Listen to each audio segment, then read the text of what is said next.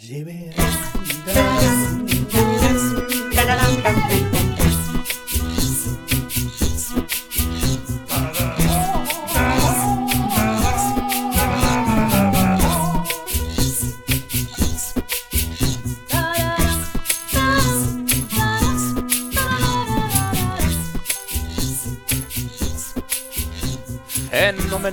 välkomna ska ni vara till Avklockat, podcasten med den långa listan.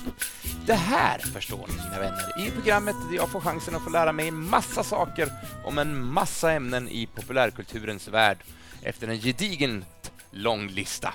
Och jag som har den här listan, eh, jag heter Jens och jag skulle vilja kalla mig en periferinörd. Så snart kommer det vara ett ord som finns i varje svensk ordlista. Och om jag är en periferinörd så är det ju tur att jag har tre fullfjättrade och högst kompetenta fellow nerds. Så låt mig få presentera den nyaste medlemmen i avbockat-gänget, Niklas Pettersson, Street-Nicke! Jo, jo, jo! Jo! Hur är läget, Niklas? Det är alldeles utmärkt med Ja. mig idag. Nyrakad och fin också. Ja, visst. Ja, man känner och- knappt och- igen mig. Och 14 år yngre. Utseendemässigt.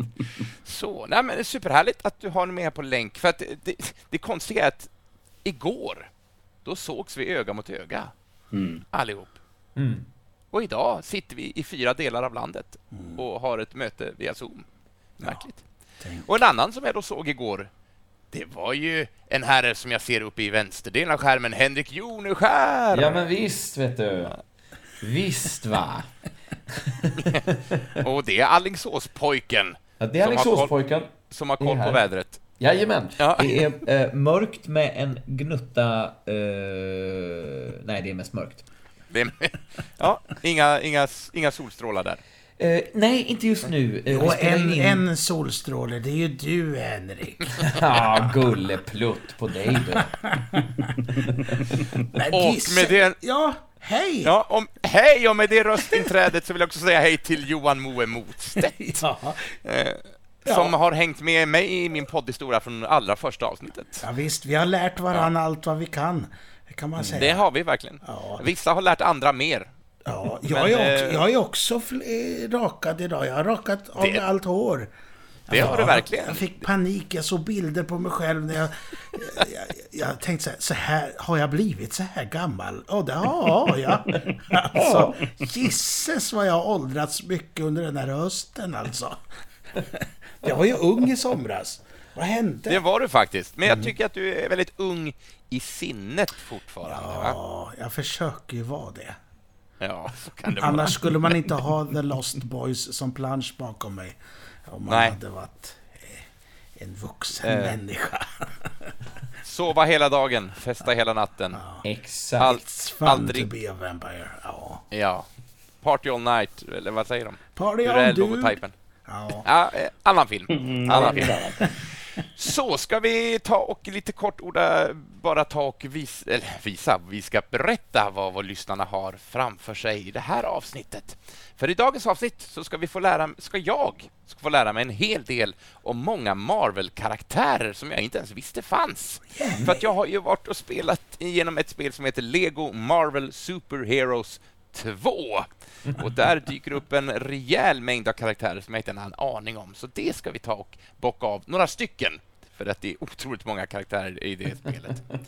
Men först så tänkte jag att vi ska ta en lite närmare titt på en skådespelare som varit långt inne på både ris och rossidan när det gäller recensioner genom åren sedan han gjorde sin filmdebut i filmen The Best of Times från 1981.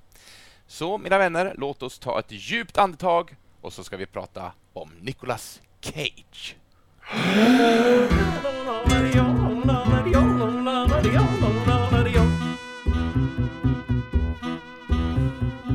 Så, Nicolas Cage alltså. En herre som har mottagit både ris och ros genom sin eh, karriär, eller eh, är det bara jag som tycker det? Nej men det får man väl verkligen säga. Det, det är en... Han är ju en mångsidig skådespelare på det sättet. Man vet aldrig riktigt vad man har honom. Nej, men, men, men det är ju så att man... Ibland så kan man ju längta efter en Nicolas Cage ett, ett Nicolas Cage-framträdande. Så kanske man blir lite besviken när han håller sig nere. Han tar det lugnt. Man vill ju ha den här galna ibland. Som är se, senast, det senast galna jag såg var den här eh, Bortom färg och tid och rum. När H.P. Lovecraft... Eh, Just det. men jag har ju inte sett den här nya Pig. Är det någon av er som har sett den? Nej, jag Nej. tänkte att jag skulle försöka hinna se den inför det här, men eh, nej, jag har inte haft eh, tid faktiskt. Nej. Men där har han ju fått rosade recensioner, om jag inte Ja. miss... eh, Ja, verkligen. Den har blivit eh, väldigt positivt mottagen. Mm. Men det känns också spontant, utan att ha sett filmen, det är bara en aktör som Nicolas Cage som ens kan ta sig an en sån roll, tänker jag. Och i, på pappret låter det helt galet och ändå få fantastiska recensioner. Jag, jag ska också se den här filmen snart, hade jag tänkt. Ja, men det är ju liksom lite det som är hans eh, grej känner jag. Att, eh, han får, han, det är frågan om det finns någon skådespelare som är mer bred i sitt spektra. Att, eh, Nej, det- han, han har- finns så många hatade filmer och så många älskade filmer. Ja. Men jag menar, vissa filmer tänker man, men det där måste du ha förstått att det inte skulle bli bra när man får höra vad det handlar om. Men så tänker man ju om vissa av hans filmer som blir bra också tror jag. Bara att eh, ibland så prickar han rätt på något sätt. Ja, ja. Eh, det, jag tror inte att någon på förhand hade trott att en film där hans gris blir kidnappad eller vad det är det handlar om skulle bli så, få så positiva reaktioner. Men det har den verkligen fått och det är som du säger, det är bara Nicolas Cage som sig på något sånt. Ja. ja. För visst, eh, som sagt, nu har ingen av oss sett den, men vad jag har förstått så är det en sån här tryffelletande gris, va? Som han, Ja. han linar sig på att sälja tryfflar och sen blir den här grisen är kidnappad eller är han bortsprungen eller vad, vad händer? Jag tror den blir kidnappad. Ja, han stjäl väl grisen va? Eh, ju Jag, jag fick först eh, in, när den var väldigt fräsch så var det folk som liksom eh, jämförde den med John Wick. Att hans hund blir mördad där. Ja, att han liksom skulle få en hämndresa. Men eh, vad jag har förstått så är det väldigt lite action i den här. Utan det är ett drama mer där han vill få tillbaka sin gris. Ja. För att det är hans inkomstkälla. Liksom. Men, men hörni, kan det bero... Alltså, kan det bero... Men är det så enkelt eller svårt att det helt enkelt beror på eh, regissören? Om det är någon som kan hålla i honom? Eller är det att... Är det tvärtom? Låt, dig, låt, låt Nicolas Cage leva och bara släppa honom fri. Är det positivt eller negativt? Eh.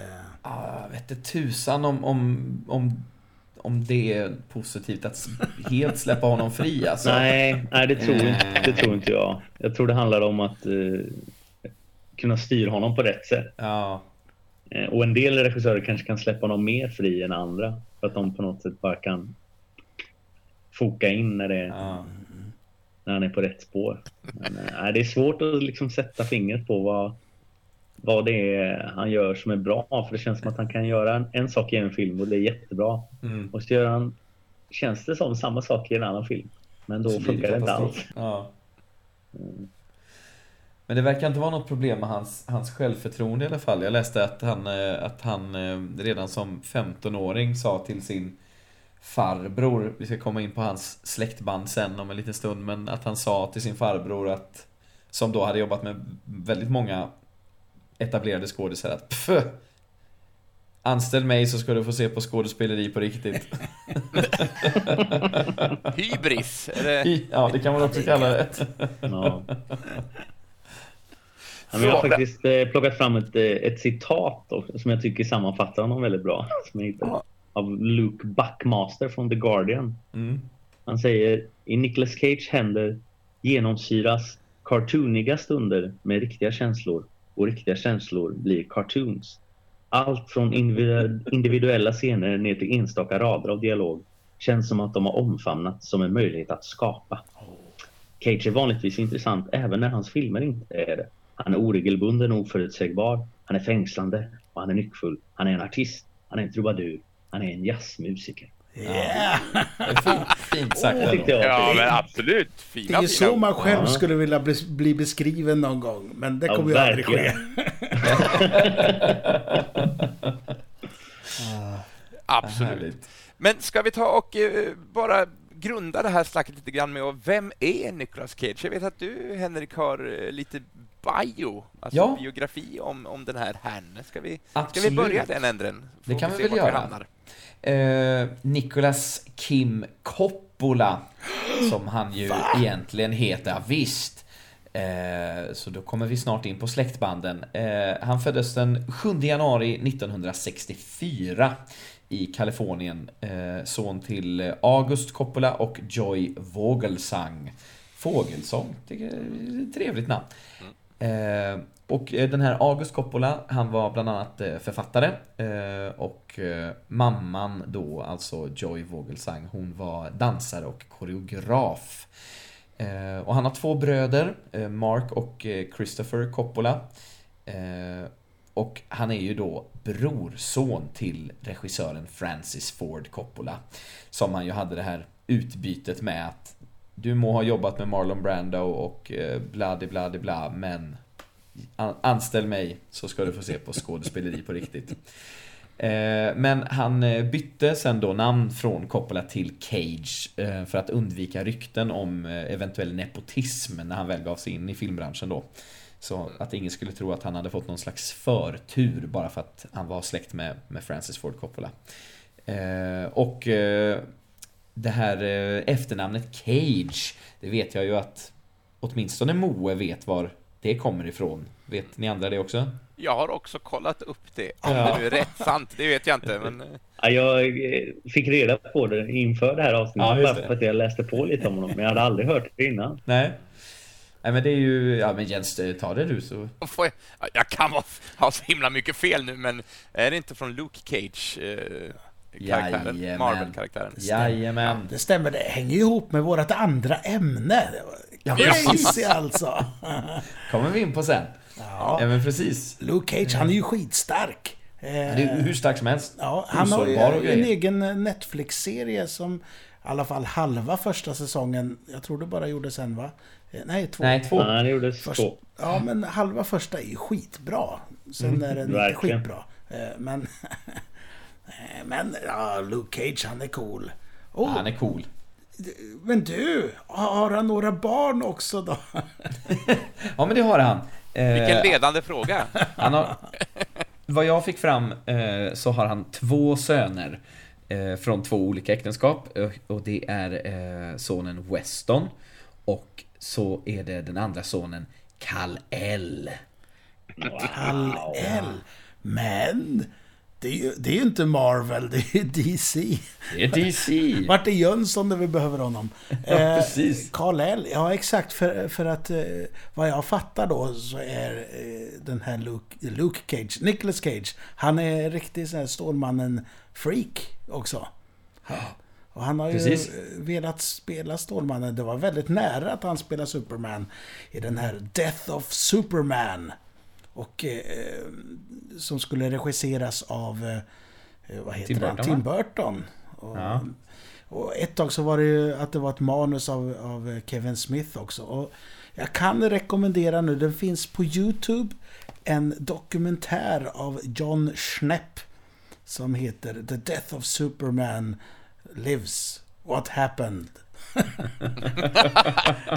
Briljant titel. Ja, den är fantastisk. Och den, den, är, den är lite halv-B sådär. Men eh, den är ju väldigt intressant av Mm. rent, rent eh, ja, film och superhjälteperspektiv på det hela. Att det är Ja, men spännande. precis. Då får man se honom i, i Stålmannen-dräkt och allting. Ja, precis. De hade ju eh, kostymtest för den, så det finns ju lite bilder att se. Med Nicolas Cage i långt hår och mus muskeldräkt. ja, visst. Det är grant. Ja, och, och, och intervjun där med Kevin Smith är fantastisk. Eh, och när han berättar om sitt möte med den här producenten som envisas med att Stålmannen ska slåss mot en jättestor spindel. och eh, sen så, så eh, gör han en film eh, några år senare som heter Wild Wild West. Och då slåss de mot en jättestor spindel. Och det är samma producent. Han fick sin vilja igenom till slut. Den filmen glömmer man inte. Nej. Även om man vill. Jag, ha- jag hade faktiskt väldigt kul med den när jag var barn. Måste jag ändå erkänna. Men jag har inte sett om den i vuxen ålder. Eh, Men, Men det är inte för sent, Henrik. Nej, kan det är det inte. Nej. Det är det verkligen inte. Ja. Eh, Men eh, Nicolas Cage, vi bara fortsätter lite med, med lite biografi. Du sa ju det Jens att han gjorde ju filmdebut 1981 med The Best of Times. Eh, som han sedan följde upp eh, snabbt eh, 1982 med Fast Times at Richmond High. Och är det någon som har en gissning på hur många filmproduktioner han har medverkat i, Oj! Nicolas Cage? Ja, många, tänker jag. Nej, jag tar, slänger till med, med 200. En. Ja, det var en en bra gissning. Det är lite överkant. Där har vi ju Christopher Lee. Eh, som ju eh, var känd för att ha varit med i över 200 produktioner. Eh, men Nicolas Cage har inte varit med i riktigt så många, men ändå 110 stycken Oj. filmproduktioner. Det är, Eh. det, är, det är en bedrift. Ja. Hur, hur hinner man från 1981 och framåt att göra det- detta? Eh, och det är några få av dem så är han faktiskt inte med som skådis utan då är han producent. Eh, men i de allra flesta är, är han eh, medverkande som skådespelare. Och ibland både skådis och producent och sådär. Vi var ju inne lite på, på hans, hans uttryck, att han är ganska han kan vara väldigt mycket, han är ganska bred. Eh, han, han har ju valt att kalla sin skådespelarteknik eh, för, ja, för först och främst sin egen skådespelarteknik som han har döpt till eh, Nouveau eh, Shamanic. Nouveau Shamanic. Eh, Okej. Ja, han Finns det definierar... någon översättning på detta? Nej. Nej. Jag tror inte det. Eh, inte vad jag hittat i alla fall. Men han har, han har definierat det som en slags blandning av någon form av tysk expressionism och eh, en västerländsk kabuki. Eh, så en ganska så uttrycksfull eh, skådespelarstil helt enkelt. Ja. Eh, han är också ganska känd då, eh, utöver sitt ganska stora uttryck, för en ganska så extrem form av method acting. Eh, och jag läste mig till att han bland annat har Han skulle eh, spela in en film, jag har inte sett den men den heter, heter Birdie. Eh, när han spelade någon soldat tror jag. Eh, och för att kunna relatera till den fysiska smärtan som den här soldaten kände så drog han ut två av sina tänder utan bedövning. Aj, Till exempel, så kan man också göra. Ehm, så ja, lite sådär, li, lite väl extremt. Alltså, jag Men- har ju rotfyllt en gång utan, utan bedövning. Uff, det, det var fantastiskt eh, ont. ja, det kan jag tänka Det mig. var vidrigt. Så att dra ut två tänder alltså. Ja, ja. ja. Nej. Eh, Det här ska tas med en nypa salt för den informationen kommer från Wikipedia. Så eh, vi ska inte påstå att det är 100% i sanning. Men det kan, det kan vara. det kan vara 100% sant. Det mesta är det. Ja. Det mesta är det. Eh, en Men gång när det gäller Cage så, så är ju chansen stor att det är det. Ja. Vi, och du var inne där på hans Stålmannen-intresse också, Moe. Han eh, har ju en gång i tiden ägt eh, Action Comics number one. Eh, men den sålde han för... Då slog det rekord på 2,1 miljoner dollar. Eh, jag tror att den är värderad till 25 miljoner dollar nu, så det var väl en försäljning som man kanske ångrar. Men behövde han kosäng då? Skulle han köpa ja, en ny bil visst. eller något? Ja men för det är ju lite det som är grejen va, att de senaste åren har det ju eh, kommit fram ehm, Eller de senaste tio åren har det kommit fram att han eh, Han är ju ganska så skuldsatt va Han har ju varit en av Hollywoods mest välbetalda skådisar en gång i tiden eh, Men han har liksom, som det ju är ganska lätt att göra ehm, Inga namn nämnda Men att leva utöver sina tillgångar och köpa Star Wars-hjälmar och sånt. Eller jag menar hus. Hus var hans grej, för han ägde vid ett och samma tillfälle 15 olika hem.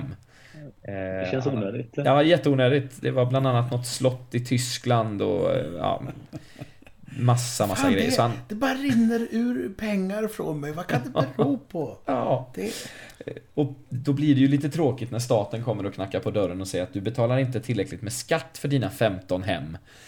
Ehm, Så det är ju åtminstone så som folk talar om det att han eh, att Nicolas Cage nu eh, han arbetar ju för att betala av sina skulder helt enkelt och att han därför i princip tar lite vad som helst.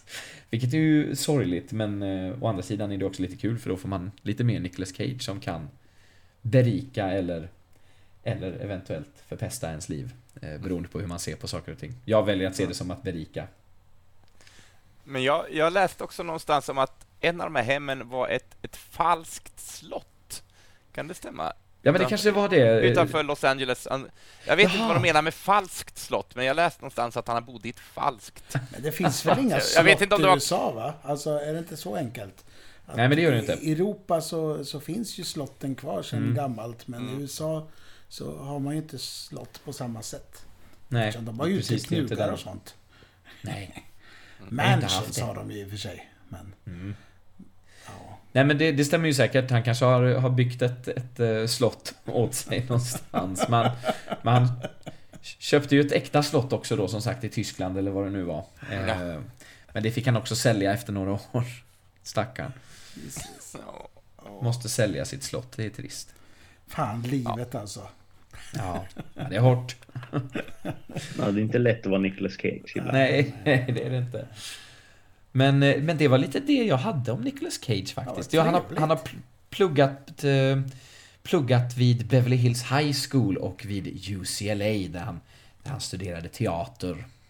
Oj, oj. Eh, Då har han säkert ja. hängt på Peach Pit där och Ja, ja, ja, haft ja. det gött.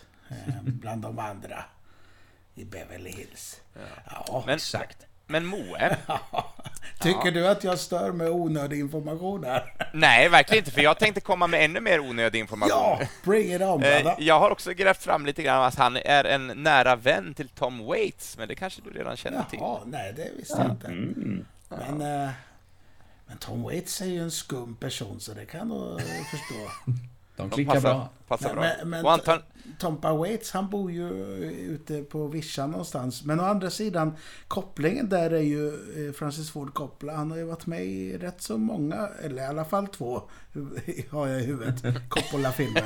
Jag tror det är fler faktiskt. Eh, Ja. Så det är klart, de, eh, de har väl setts. Och hängt. det är Hängt lite. Då, då, då, då, anledning- då har han tagit sin eh, Kapten Corellis mandolin och lirat lite med Tompa. Så kan det vara. Och anledningen till att han nämner just detta eh, för- för er lyssnare är ju att om ni inte känner Moe så är ju Tom Waits en husgud för dig. eh, Ja, visst. jag- Ja, Ja. så, att, så man hänger med på det. Mm.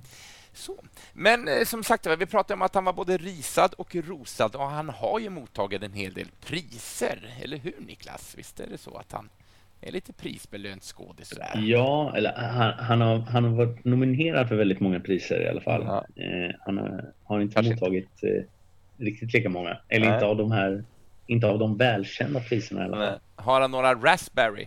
Eh, han har faktiskt, in- jag trodde verkligen att han har vunnit det, men han, han har varit nominerad väldigt många gånger. Men han har Ja. faktiskt aldrig vunnit en, en Razzie. Nej, och det ska väl också nämnas för er som inte är bekanta med det att det, det är den raka motsatsen till Oscarsstatyetten. Det är- Ja. Det är för de sämsta, sämsta eh, bedrifterna inom Hollywood så får man en Razzie Award. Men han har som sagt eh, många, många nomineringar. Ja, nu stör jag här. Eh, jag Ja, ser att i, i Rumble Fish, där, det, där är ju Tompa Waits med. Det är en Coppola-rulle och den är han med i här, ser jag på Ja, IMDb. Eh, tillbaka till ordningen. Ja, Ja, och Rumble Fish, eh, den har han, fick han ingen nominering för. den är Nej, skitbra. Varken, varken ros eller ris. Men han kanske inte har så stor roll där. Nej, det har han inte. Eh, nej, men han, ehm, eh, han har Razzie-nomineringar för Wickerman, Ghost Rider, National i- Treasure, Book of Secrets, Next, Drive Angry, Seasons of the Witch, Trespass, Ghost Rider, Spirit of Vengeance, Seeking Justice, Left Behind och Snowden. Så ah, det har blivit några stycken. Men han har ju som sagt aldrig vunnit. Så att, eh, någon har ju alltid varit sämre. Men om vi ska prata om positiva priser så har han ju faktiskt varit nominerad för en Oscar också två gånger. För eh, Adaptation och Leaving Las Vegas. Och Leaving Las Vegas vann han faktiskt för. Så han har en Oscarsstatyett och det är inte alla som har. Det är det verkligen inte. Just det. Jag har faktiskt inte sett Leaving Las Vegas. Inte jag heller. Och jag jättebra. tänkte verkligen att jag skulle hinna se den nu, men jag har inte gjort det. Det Men- får bli nu i efterhand. Jag har inte heller sett Men den. Moa hade sett den. Ja, jag har sett den ett par gånger. Jag tänkte se om den nu i dagarna, men den fanns inte på någon tjänst som, Nej. eh, som streamade. Eh, eh, Men jag vet att eh, våran eh, trogna lyssnare Bettlar Fredde, han, han håller den som högst. Eh, Han Mm. tycker att han är skitdålig i alla andra filmer. Fick vi med det lilla eh, mejlet här också. Ja, Ja. eh, nej men han är väldigt, väldigt bra där. Eh, och Elizabeth Shue tror jag det är som är Ja, motspelerskan. Ja. Och vi spelar mot henne också i Polis ger servitris två miljoner i dricks. Visst var det också Elisabeth Shue, eller har jag helt fel? Hittar du på en film nu? Det, vad är det för film? Aldrig hört talas om. Har ni, va? Jo. jo men jag kom bara inte på vad den hette på riktigt. Jag, ett ögonblick ska se vad... Eller vad den heter original. Polis ger servitris två Du kom inte på vad den hette Ja. på riktigt så du bara hittar på. eh. Ja, precis. Den heter Här. It could Ja, happen to you.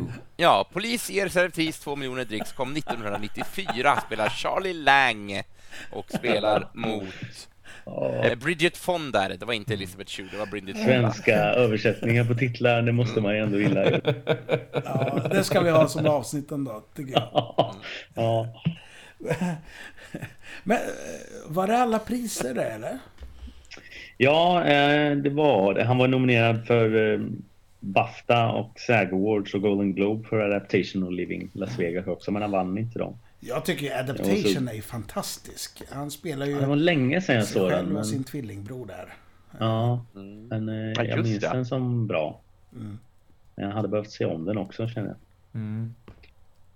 Men och sen har han fått en, en stjärna på Hollywood Walk of Fame också. Just Fick det. en eh, Just 98. Så den har han haft ett tag ändå. Det är ju ändå trevligt. Ja, det är inte alla som har det heller. Nej, nej, jag har inte det. Men eh, du, ditt liv är inte över än. Just det. Nej, Nej. just det. Det finns många dagar kvar att iscensätta detta. Så, eh, men ska vi ta ett litet axplock av några filmer som han har gjort? Eh, om vi har några pri privata synpunkter på det. Men, Ja, men har vi någon... jag tänkte så här, jag bara kom på en grej nu. Vad Kör. sägs om att eh, vi korar hans bästa årtionde?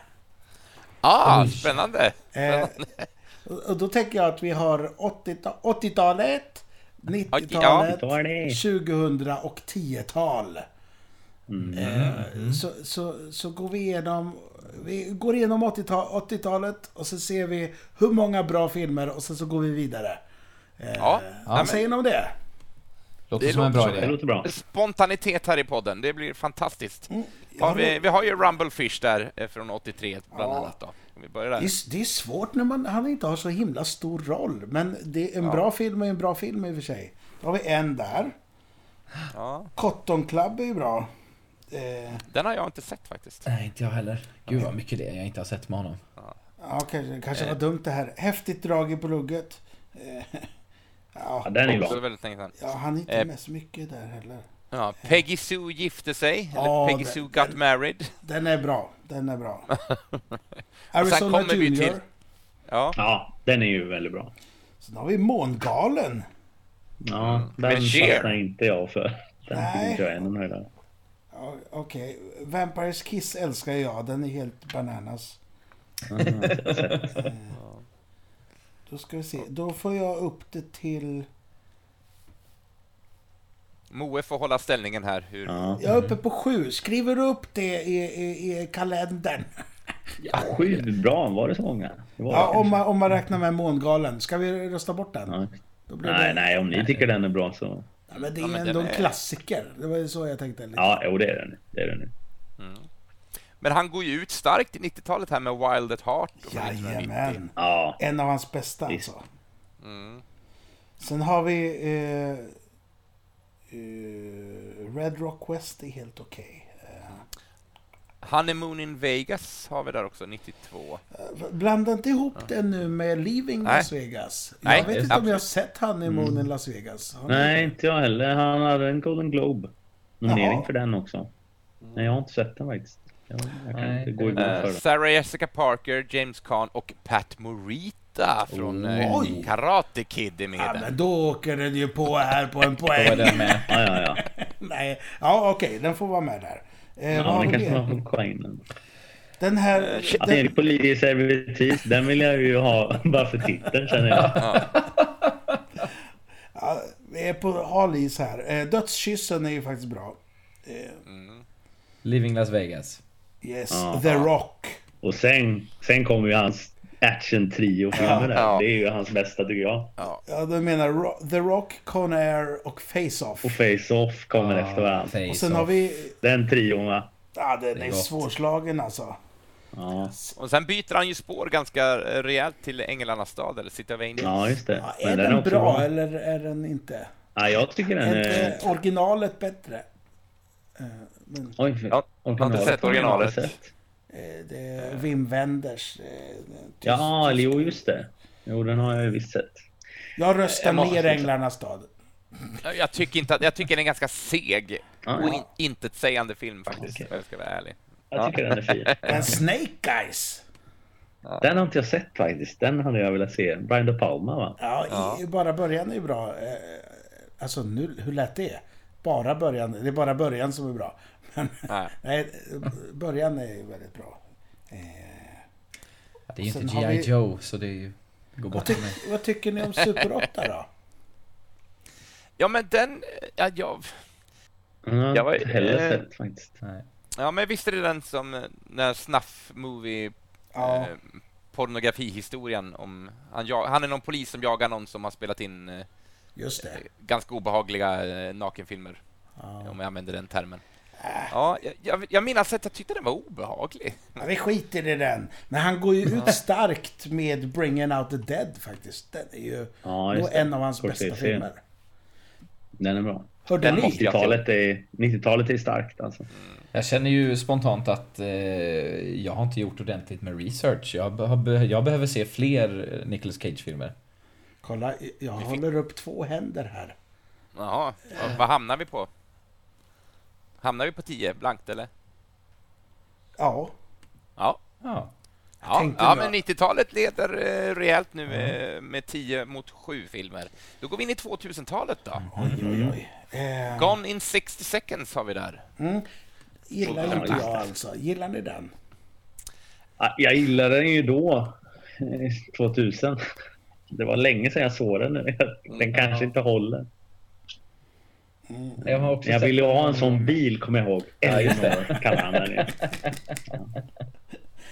Ja, Okej, okej. eh, ja, vad har vi sen? Jag tar med den bara för att det är ändå en stor film på något sätt. Ja, gör det. Fast det, ja. Eh, vi har en, en andra chansen. The Family Man heter den i original, Mm. vet jag. Inte Jag sett. har sett den, men jag har inga minnen av den, så att det kanske inte Ja, då- bidrar till någon hög ranking där. Ja, det, är, det är ju lite så, eh, vad heter den? Eh, sån julfilm. eh, Just det. Han får se hur livet eh, var om han inte fanns och sådär. Oj, Ah, precis är som lite- julsaga som man gör sen. Ja, Ja, exakt. ja just det. Han gör också Kapten Corellis mandolin. Ja, den har jag Ja. sett planschen på många gånger. Jag har Ja. aldrig sett den faktiskt. Jag har läst boken för jädra många år sedan och den tyckte jag var lite små småtrevlig höll jag på att säga. Ja, ja. Hur trevlig en andra världskriget historia nu kan vara. Men filmen har jag inte sett. Ja. Men, ja... Ja. Jag känner inte att jag får till någon efter Gone in 60 seconds här. Nej. Men kanske på Adaptation va? Där kan han väl få komma in. Ja, ja, men det tycker jag. Definitivt. Matchstick Men. ja just det. Jag har sett Ridley Scott. Nej, det, Mm, det jag tycker kan inte ju den är vara så bra. bra, faktiskt. Jag har inte sett den. National det. Treasure tycker jag är härlig, den första. Ja, okej. Ja, det, ja, det men, är en eh, popcornrulle. Absolut. Eh, Indiana Jones light, men eh, helt klart eh, underhållande. Absolut. Så att, eh, absolut, en tumme upp. Lord of War. Ja, den är rätt så Ja. okej. Den är bra. Ja, för mig att den är bra också ja. Det är många av de här filmerna som jag liksom inte, som jag inte har sett om och därför finns de verkligen inte färskt i minnet. Jag blandar ihop väldigt mycket känner jag.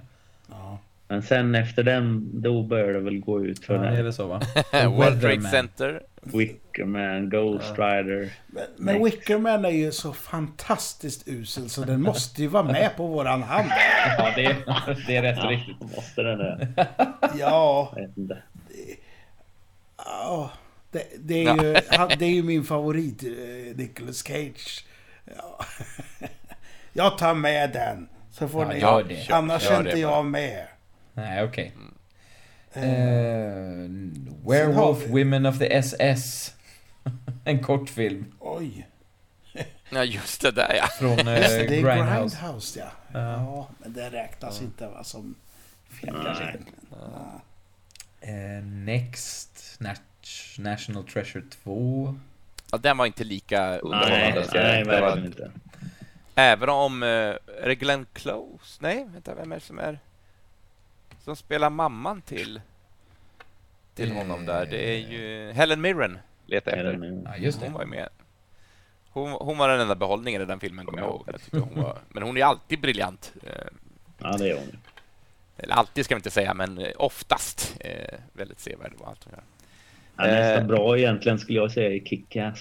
Ja. Ja, men den kommer in på 2010-talet. Ja, den, vi, eh, vi hamnar på fem här på 2000-talet. Ja, ja, det är svagare. Halvera Svagaste. sin, sin sträcka. Mm.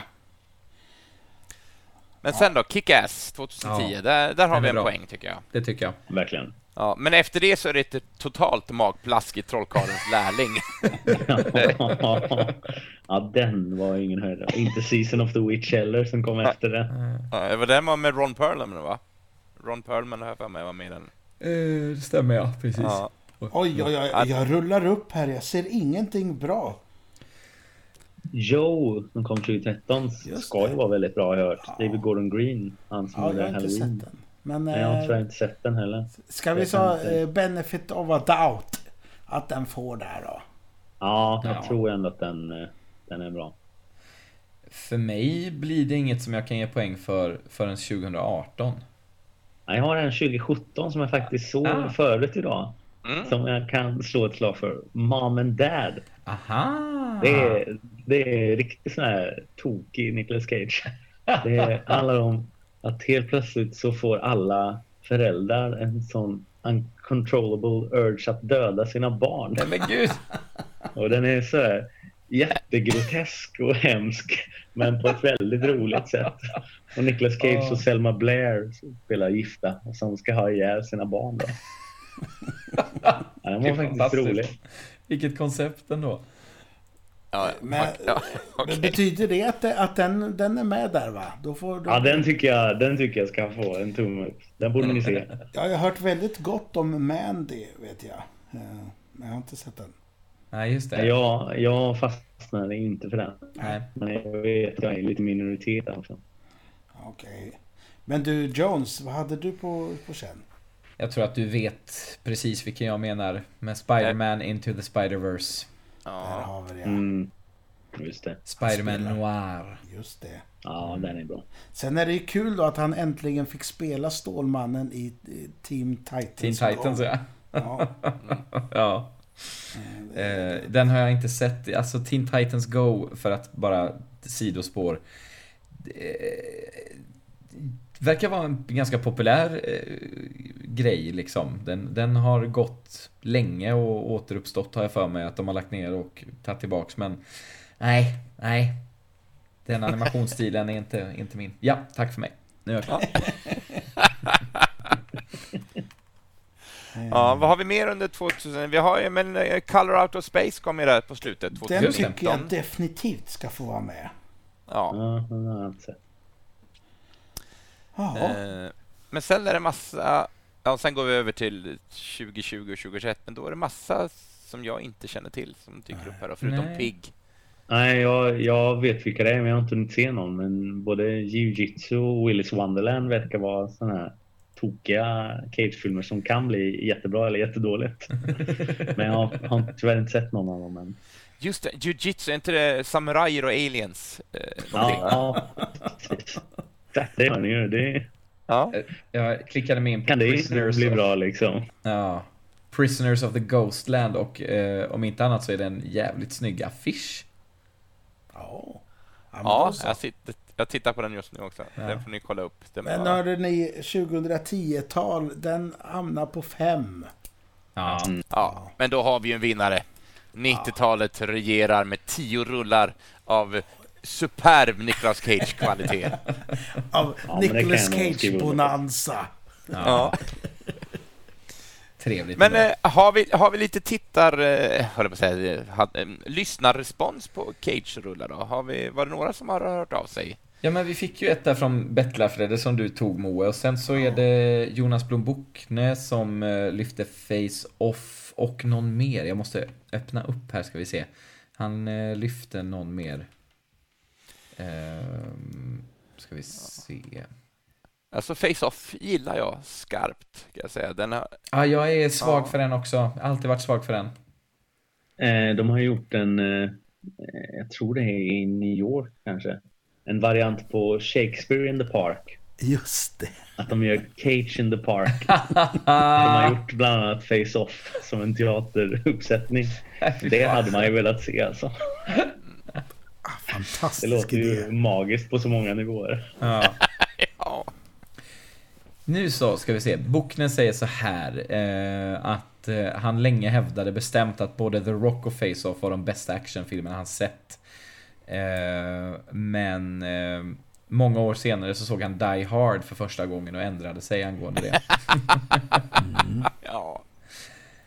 Ja, det är ju Eh. det är svårt att klå Die Hard. Ja, det är det. Eh, Så men eh, Men de är, de är bra, de håller. Jag såg The Rock i somras och den håller verkligen fortfarande alltså. absolut. Och, och tycka vad man vill om Con Air, men den har ju ett högt popcornvärde. Det har den Ja, absolut. men så är Den det ju. fantastiska, fantastiskt färgstarka karaktärer.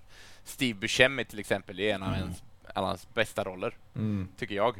Ja, Och han säger Define irony. A bunch of crazy people jumping up and down in a plane, dancing to a song written by a band who died in a plane crash.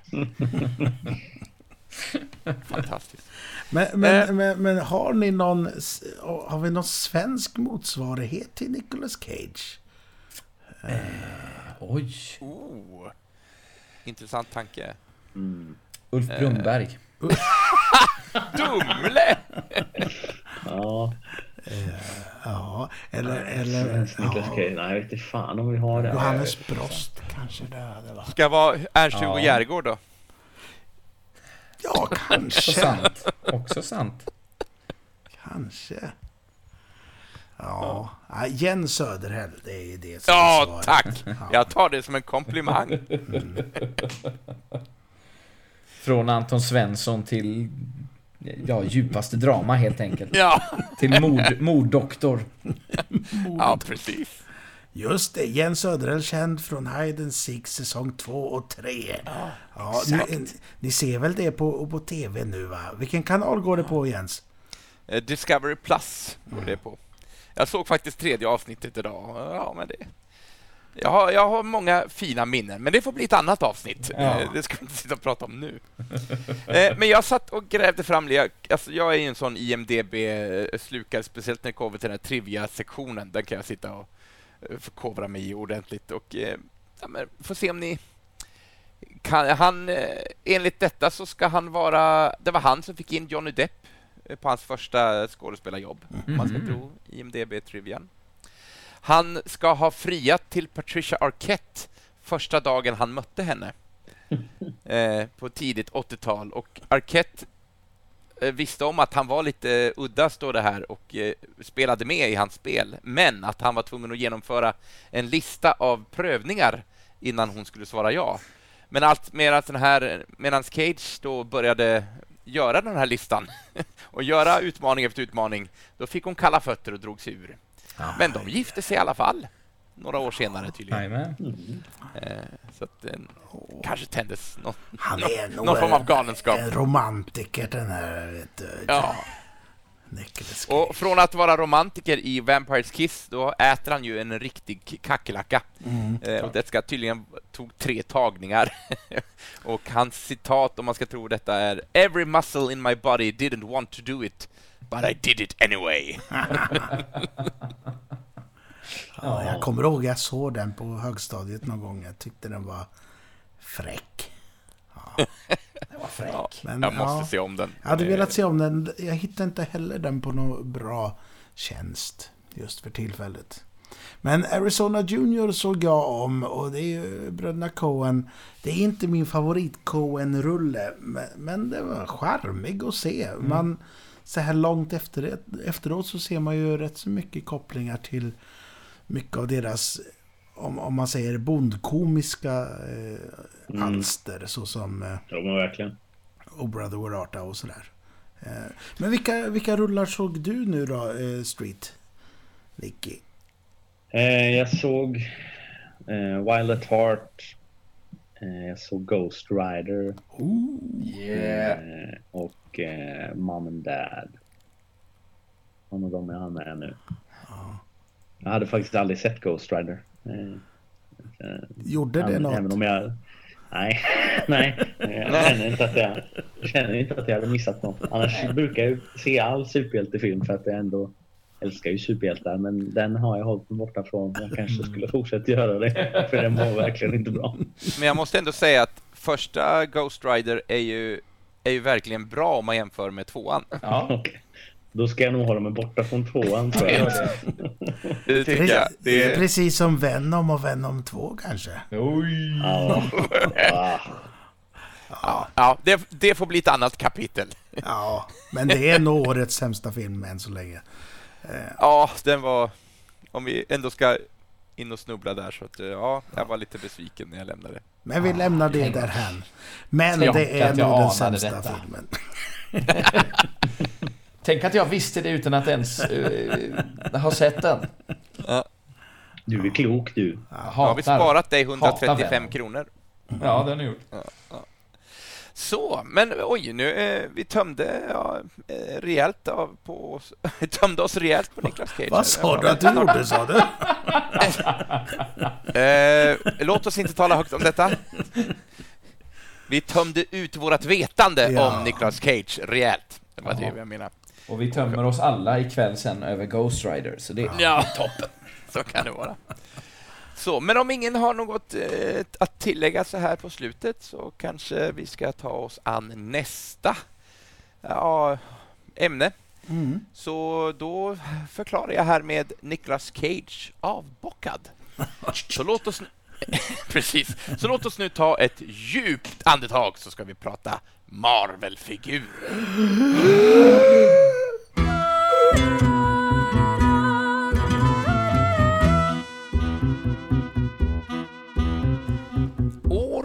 2017 så släpptes det ytterligare ett spel i Lego-franchisen när det gäller tv-spel. Och då hette titeln Lego Marvel Super Heroes 2 och innehöll en egen ihopdiktad historia med massa Marvel-hjältar om jag har fattat det rätt. Och Det här spelet har jag spelat mig igenom. Och eh, som i alla Lego-spel så kan man ju låsa upp en sju helsikes massa karaktärer. Och många av dem hade jag ingen aning om vilka de var. Så det är tur att jag har mina eminenta vänner här till hjälp för att nu ska vi bena ut en massa karaktärer från detta Lego-spel. Alltså, Så det nu är- blir det Marvel-snack. Det är ju världens bästa ämne du har hittat på här. alltså. Ja, är. Och jag tänker att vi får hålla i dig lite grann här Moe, men, det, Ja. men eh, det märker vi. Men, men, gå- eh, men vi måste ju ta en liknande variant på om det finns något DC-spel och dra hit Ja, ja, det, det, finns ett som jag, det finns ett som jag inte har spelat igenom, som jag äger, som heter DC Villains, som bara verkar vara skurkar. Mm. Så det, det kommer. Det kommer. Det Spännande kommer. uppföljare. Ja. Det kanske blir en crossover med DC-casten! ja, det kanske det blir. Ja, nu blir Men det lite dig! Marvel-kosten här. Det blir lite... Battle of the Bands. Nej. Ja. Det. Eh, Men när vi ändå har tagit upp detta ändå så kan vi nämna att är man intresserad av DC, alltså eh, Stålmannen och, och Batman och alla de karaktärerna på den planhalvan så ska man lyssna på DC-casten som våran eh, vän och kollega Niklas Jönsson driver. För då snackar de väldigt mycket om detta. Så att, eh, ett tips eh, till er Verkligen. som gillar superhjältepoddar. Men nu, Moe, jag tänkte vi börjar med dig. Va? Eh, och, ja, får... Eh, och det här är faktiskt en karaktär som jag åtminstone har, känner till via namn, men jag vet ingenting om den här figuren, mer än att han hör hemma i Tors värld, i Asgard, och heter Beta Ray Bill. Ja, Så jag tänkte att du ska få berätta lite kort för mig, eller ja, kort och kort, men vem är denna figur? det kan man fråga Vem? sig. Jag var så taggad på att han skulle dyka upp i senaste Thor-filmen, men det gjorde han aldrig. Men Men han är väl avbildad där i, på det här monumentet? ja, vad är det för Eller? larvigt bara? Vi vill ju se Beta Ray Bill. Eh, Beta Ray Bill är skapad, jag har skrivit så här ordningsammat om alla här. Skapad av Walt eh, Simonson, eller Simonson. Och debuterade i The Mighty Thor nummer 337 i november 1983. Beta Ray Bill, han ser ut som en häst. Ja. Han ser ut som en häst med, eh, med Tors eh, hjälm och, och hammare. Eh, Han var designad att se ut som ett monster men att han sen skulle visa sig vara en ädel hjälte. Han tillhör en ras som heter The Corbinites. Och eh, är, dock förstärkt lite som en syborg. För han skulle försvara den här eh, rasen då. Men så hamnar han i missförstånd i bråk med Thor. Och eh, i det fighten så slängde ju Thor bort sin hammare va. Och, eh, och då kunde den här Beta Ray Bill plocka upp hammaren. Och det betyder ju, det är ingen som kan det. Eh, det, det måste ju vara någon som är ädel och, eh, vad säger man? Eh, Righteous. Righteous ja, för att kunna bära den. Annars kan man inte, annars får man inte eh, bära den. Så han visar sig ädel nog att kunna lyfta Mjölner och eh, efter det så verkade han ett tag som Tor innan han efter ett tag fick sin egen hammare som heter Stormbreaker och den, Yeah. Jens Söderhäll, har ju du sett på film. Det har jag gjort. Det är Ja. en yxa, det är ingen hammare, det är en yxa. Nej, va? det kan man säga. Det är ju hammaren som, som Tor har i Endgame. Eh, sen tycker jag det är kul att han har ett tänkande skepp.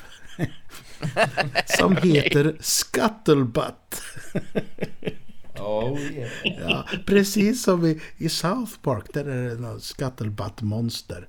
Eh, han har varit medlem i lite olika, han tillhör ju Asgård och sen har han varit medlem i Thor Corps och Guardians of the Galaxy. Yeah. Och som sagt, han ser ut som en häst. Men eh, hur eh, har ni kollat rollistorna? Guardians of the Galaxy Volume 3 och Thor, Love and Thunder. Kan han Nej. finnas? eh, Finns han med där kanske? Han är ju en älskad figur så det är inte omöjligt att han dyker upp. Det tror jag inte. Eh, Han är ju ändå redan presenterad Mm. med att han var avbildad i Thor Det 3. kan, kan ju bli någon post credit scene om inte annat. Ja. ja. Vet man aldrig. Vi har ju ändå fått Howard the Duck. ja, vad är det flera för rätt- gånger. Det är ju orättvist. Man Ja, det får eh, jävla Howard the Duck och inte Beta Ray Bill. Vad är det här? Ja. Men Ja. Moe, vi fick inte Planet Hulk heller så Nej, Marvel kan nej. dra åt helvete. Ja, fuck, fuck you. Okej, hårda ord här. Då tar vi hoppa till nästa karaktär medan vi håller oss sansade. Ja. Eh, Niklas, Mm. eh, en annan karaktär som jag också känner till och faktiskt har sett i animerat tillstånd. Eh, Squirrel Girl. Mm. Eh, men det är allt jag vet, mer än att hon hoppar runt och leker med ekorrar. Liksom. Squirrel Just det. Girl. Det är ju ett så roligt namn Då, alltså. ska jag, då ska jag berätta för dig mer om Squirrel Girl. Jättegärna. Eh, Hon är skapad av Will Murray och Steve Ditko. Mm. Och eh, introducerades för första gången i Marvel Superheroes volym 2 nummer 8 vintern 1991. Och hennes riktiga namn är Doreen Allen, Aline Green. Och hon har övermänsklig styrka, rörlighet och sinnen. Och en svans med gripförmåga. Knivskarpa klor, infällbara spikar på knogarna och en förmåga att kommunicera med ekorrar. Det var när Doreen var tio år som hon upptäckte att hon kunde kommunicera med ekorrar. Och det visade sig att en modifikation av hennes gener av okänd härkomst gjorde att hon hade utvecklat den förmågan och hon började sedan utveckla fler ekorreliknande egenskaper. Och när hon var 14 år eh, då stötte hon på Iron Man och eh, hade en förhoppning om att få bli hans sidekick. Men det ville inte han. Nej. Men senare så eh, räddar hon Iron Man från Dr. Doom med hjälp av en hord av ekorrar. Men Iron Man tycker fortfarande att hon är för ung. Men lovar att lägga in ett gott ord för henne att bli en Avenger när hon är lite äldre. Eh, ja. Och hon eh, har som sagt eh, förmågan att eh, kommunicera med ekorrar men hon har också en sidekick ekorre som heter Monkey Joe. Monkey Joe. Ja. Monkey Joe ja. Men sen gick han tragiskt bort och ersattes då av Tippy Toe istället. Är det som Anthony... Va? Ja, säg Vad sa du. Moa? Säg du. Nej, men är det som Anthony i Ant-Man? Eh, Hans eh, sidekick-myra, eh, Anthony. Ja, kanske. Ja, nej. Förlåt Moa, vad ville du säga? Eh, jag skulle bara inflika, jag tycker det är intressant att det är en Steve Ditko-figur som är introducerad Mm. så, så pass sent som på 90-talet. Det är lite galet sådär. Och Mm. jag tycker den coolaste trivian om Squirrel Girl, förutom att hon har världens bästa namn, det är ju att eh, hon har faktiskt eh, spöat upp Thanos. Hon, hon har ju Precis vad jag skulle det. nämna. Är det så? Ja, ja, det är tufft. hur, hur gick det till? Jag vet inte. Det som- Man ska inte, man ska inte fucka med ekorrar va? Nej, exakt. Det kan Exakt. väl vara så. Eh, och jag har en- kort till här bara. Ja, att hon, eh, har, eh, hon har dykt upp i animerad form i bland annat filmen Marvel The Rising, Secret Warriors och tv-serierna Fantastic Four, World's Greatest Heroes och Ultimate Spider-Man. Och sen skulle hon haft en roll i tv-serien Marvels New Warriors. Men den piloten eh, plockades aldrig upp. Så hon har inte haft någon live action eh, visningar. Men Tror det kommer ni- kanske. Ja, eh, ja, men ärligt, tror ni att det här är en karaktär som kommer att ta plats i MCU framöver? Ja, jag tror det. Hon, Hon är ju, det är ju pass, så populär pass faktiskt. tokigt liksom. Så, Mm. ja. Framförallt nu med Disney Plus eh, Mm. så tror jag verkligen att eh, hon kan introduceras för att hon har en ganska stark fanbase ändå. Ja, ja spännande. Mycket, mycket trevligt. Så, Henrik. Mhm. Ja, om jag kan få dig att ta till orda. Nu vet jag att du inte gillar Venom, Filmen. men... Va? Filmen. Ja, filmen. Karaktären gillar jag. Ja, vad bra. Ja. För också, jag vet ju vem Venom är, för att Mm. jag också sett dessa två filmer och kunde även faktiskt lite grann innan. Men Agent Venom, Ja, visst.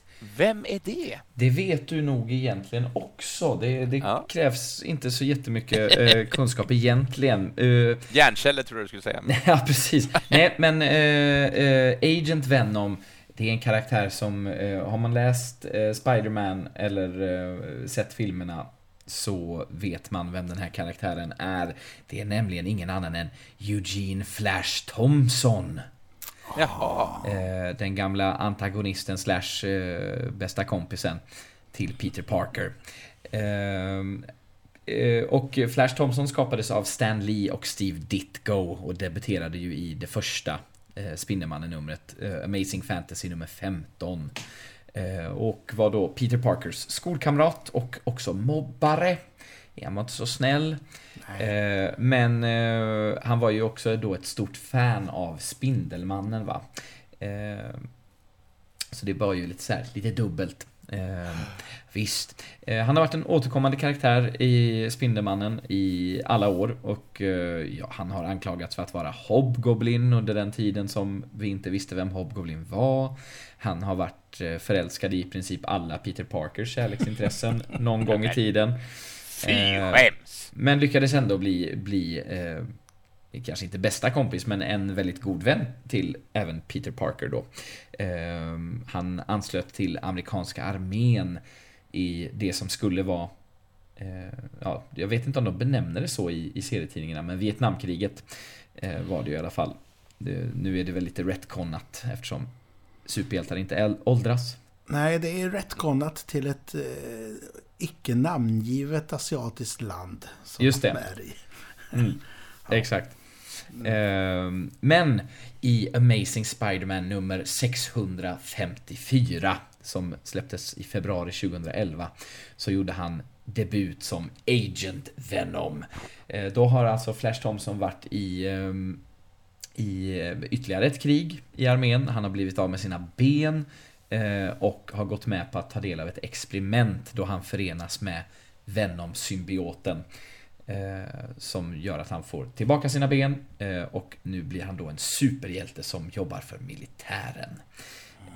Men det är väldigt viktigt att han inte är bunden till den här symbioten i längre än 48 timmar tror jag, för då börjar den få mer kontroll över honom än vad han har kontroll över den. Ehm, Så han var, och han har också varit med i Guardians of the Galaxy. Eh, Flash Thompson, vår kära gamla mobbare, har fått vara med om massa äventyr. Eh, Han blev av med Venom-symbioten men fick sedan en ny symbiot som kallas för Anti-Venom. Så numera heter han faktiskt Agent Anti-Venom. Så, så talande. Ja. Hatar han sitt forna jag? Mm, det, nej, det vet jag faktiskt inte. Nej. Det vet jag inte. Men där vet jag också att det finns en fanskara som eh, tycker om honom mer som Venom än vad de tycker om Eddie Brock. Eddie Brock. Ja, Mhm. just det.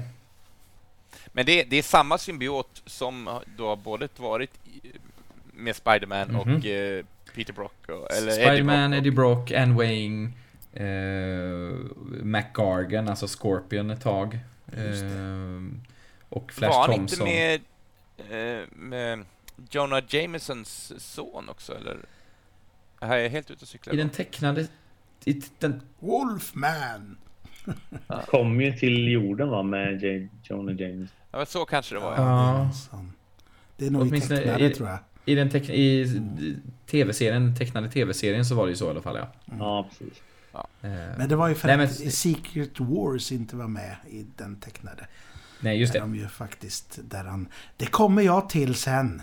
Ja. Får vi inte gå eh, saker och ting i förväg här? Nej. Nej, Secret Wars är nästan ett eget avsnitt någon gång i framtiden. det, det verkar absolut bli. Vi kommer att göra så många avsnitt så att jag är inte Ja. orolig att vi inte hinner det. Nej. Nej. Men Moe, eh, du, du ska få prata om en karaktär nu som jag aldrig har hört talas om. Är det så? All, aldrig! Vad Eh, trevligt. Ja, och det är eh, en karaktär som heter Finn Fang Foam. Ja, eh, och och det är nog så att eh, snart kommer du nog ha hört talas om, om honom, för, eller henne, hen. För att eh, den kommer nog dyka upp, tror jag, på vita duken när som helst. På något sätt. Ja. Så här är det att eh, Fin Fang Foom skapades av Lee och Kirby, alltså Stan Lee och Jack Kirby, i Strange Tales 89, oktober 1961. Så det är ju lite strax innan eh, hela superhjälte-eran drog igång där. För då höll de på mycket med monster och, och rymd och, och sånt shit. Eh, i- innan det blev superhjältar för hela slanten. Han tillhör eh, rasen Makluan Aksomkar. och, och, Var det fonetiskt uttalat? ja, eller Makluan slash Aksomkar. Man, ja. Ja. Skitsamma. Han är en utomjordisk varelse som ser ut som en typisk asiatisk drake. Skitstor Nam namnet är ju drake. lite så asiatiskt klingande också, tycker jag. Ja, nästan lite rasistiskt blir det. Ja. Ja. Eh, han, är bland, han är en av eh, Iron Mans eh, skurkar, alltså Rogues Gallery till Iron Man. Och ofta utnyttjad, eller tvärtom, av The Mandarin.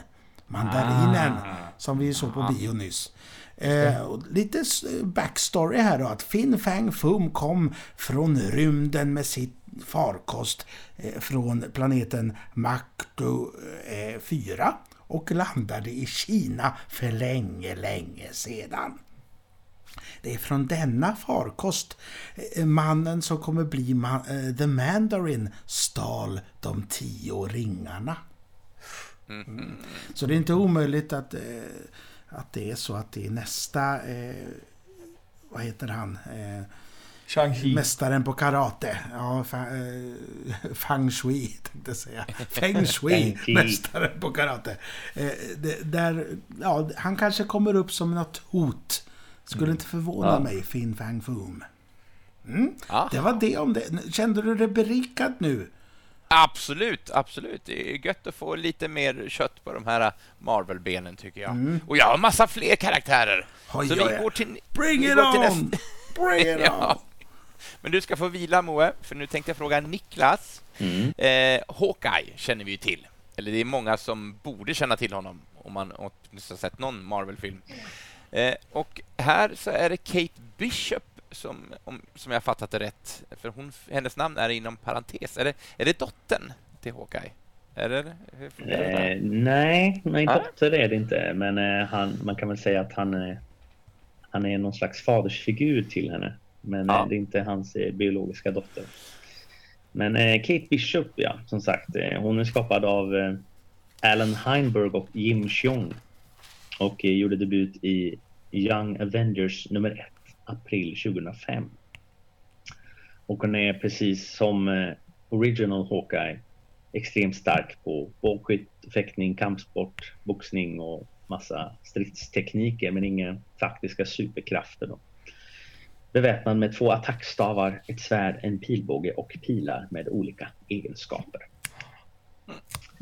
Eh, och det var så att eh, i eh, ganska ung ålder så eh, blev hon utsatt för en attack som eh, först lämnade henne ganska traumatiserad men sen sporrade henne istället att börja träna för att eh, hon inte skulle utsättas för det igen. Därav att hon har ganska eh, väl utarbetade stridstekniker.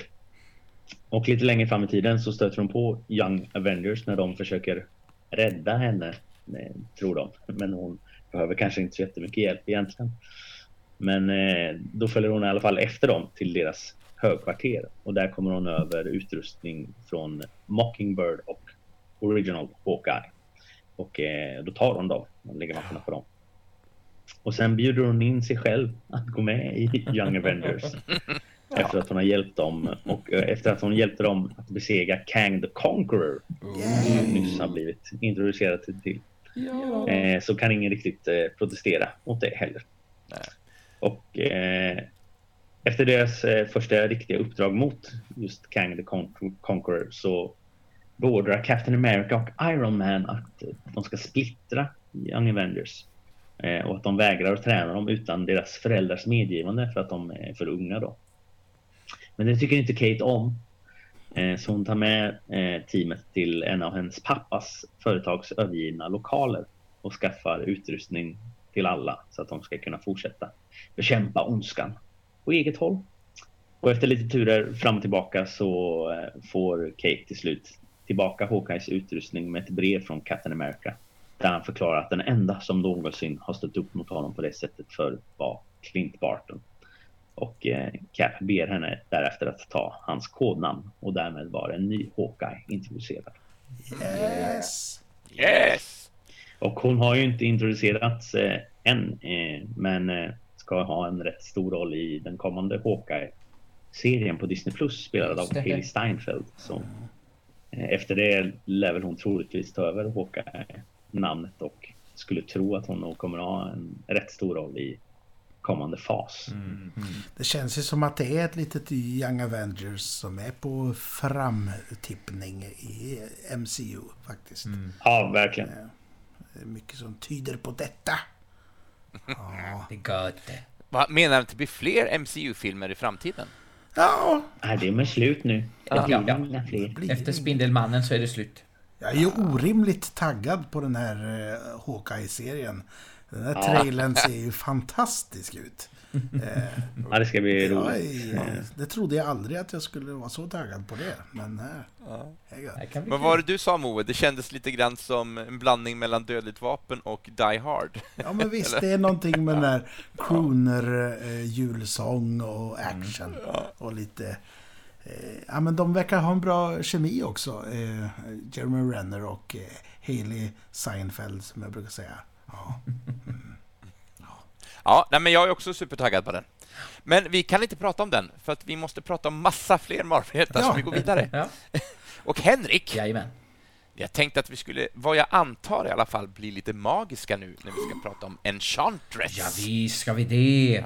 Eh, Jag tänker på skurken i, i första Suicide Squad-filmen, men det är ju DC. så Ja, eh, precis. Eh, men eh, likväl magisk eh, är Mm. denna Enchantress. Och det är faktiskt två olika karaktärer i Marvel som eh, har burit namnet Enchantress.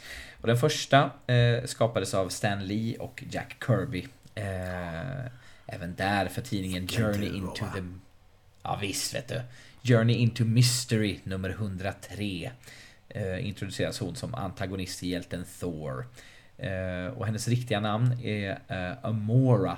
Och hon är en, eh, ja, en Asgardier eller Asgardian eh, med magiska krafter.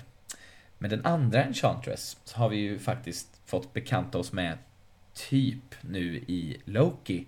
Eh, eller snarare en karaktär som är baserad bland annat på den här Enchantress. Sylvie Lushton. Eh, som skapades av Paul Cornell och Mark Brooks. Eh, för en tidning som hette Dark Reign Young Avengers nummer 1 2009. Eh, så den karaktären tillsammans med en annan karaktär som heter Lady Loki låg till inspiration för Sylvie i serien Loki. Ja, Jag var faktiskt lite förvånad att de inte använt Enchantress än. Mm, För det är ju en av hans eh, mest utnyttjade skurkar tänkte jag säga. Det lät Mm. konstigt. Ja men, ja ni förstår. Jajamän. Eh, men det, det var det om eh, de båda Enchantress. Lite kort Trevligt. och koncist. Trevligt.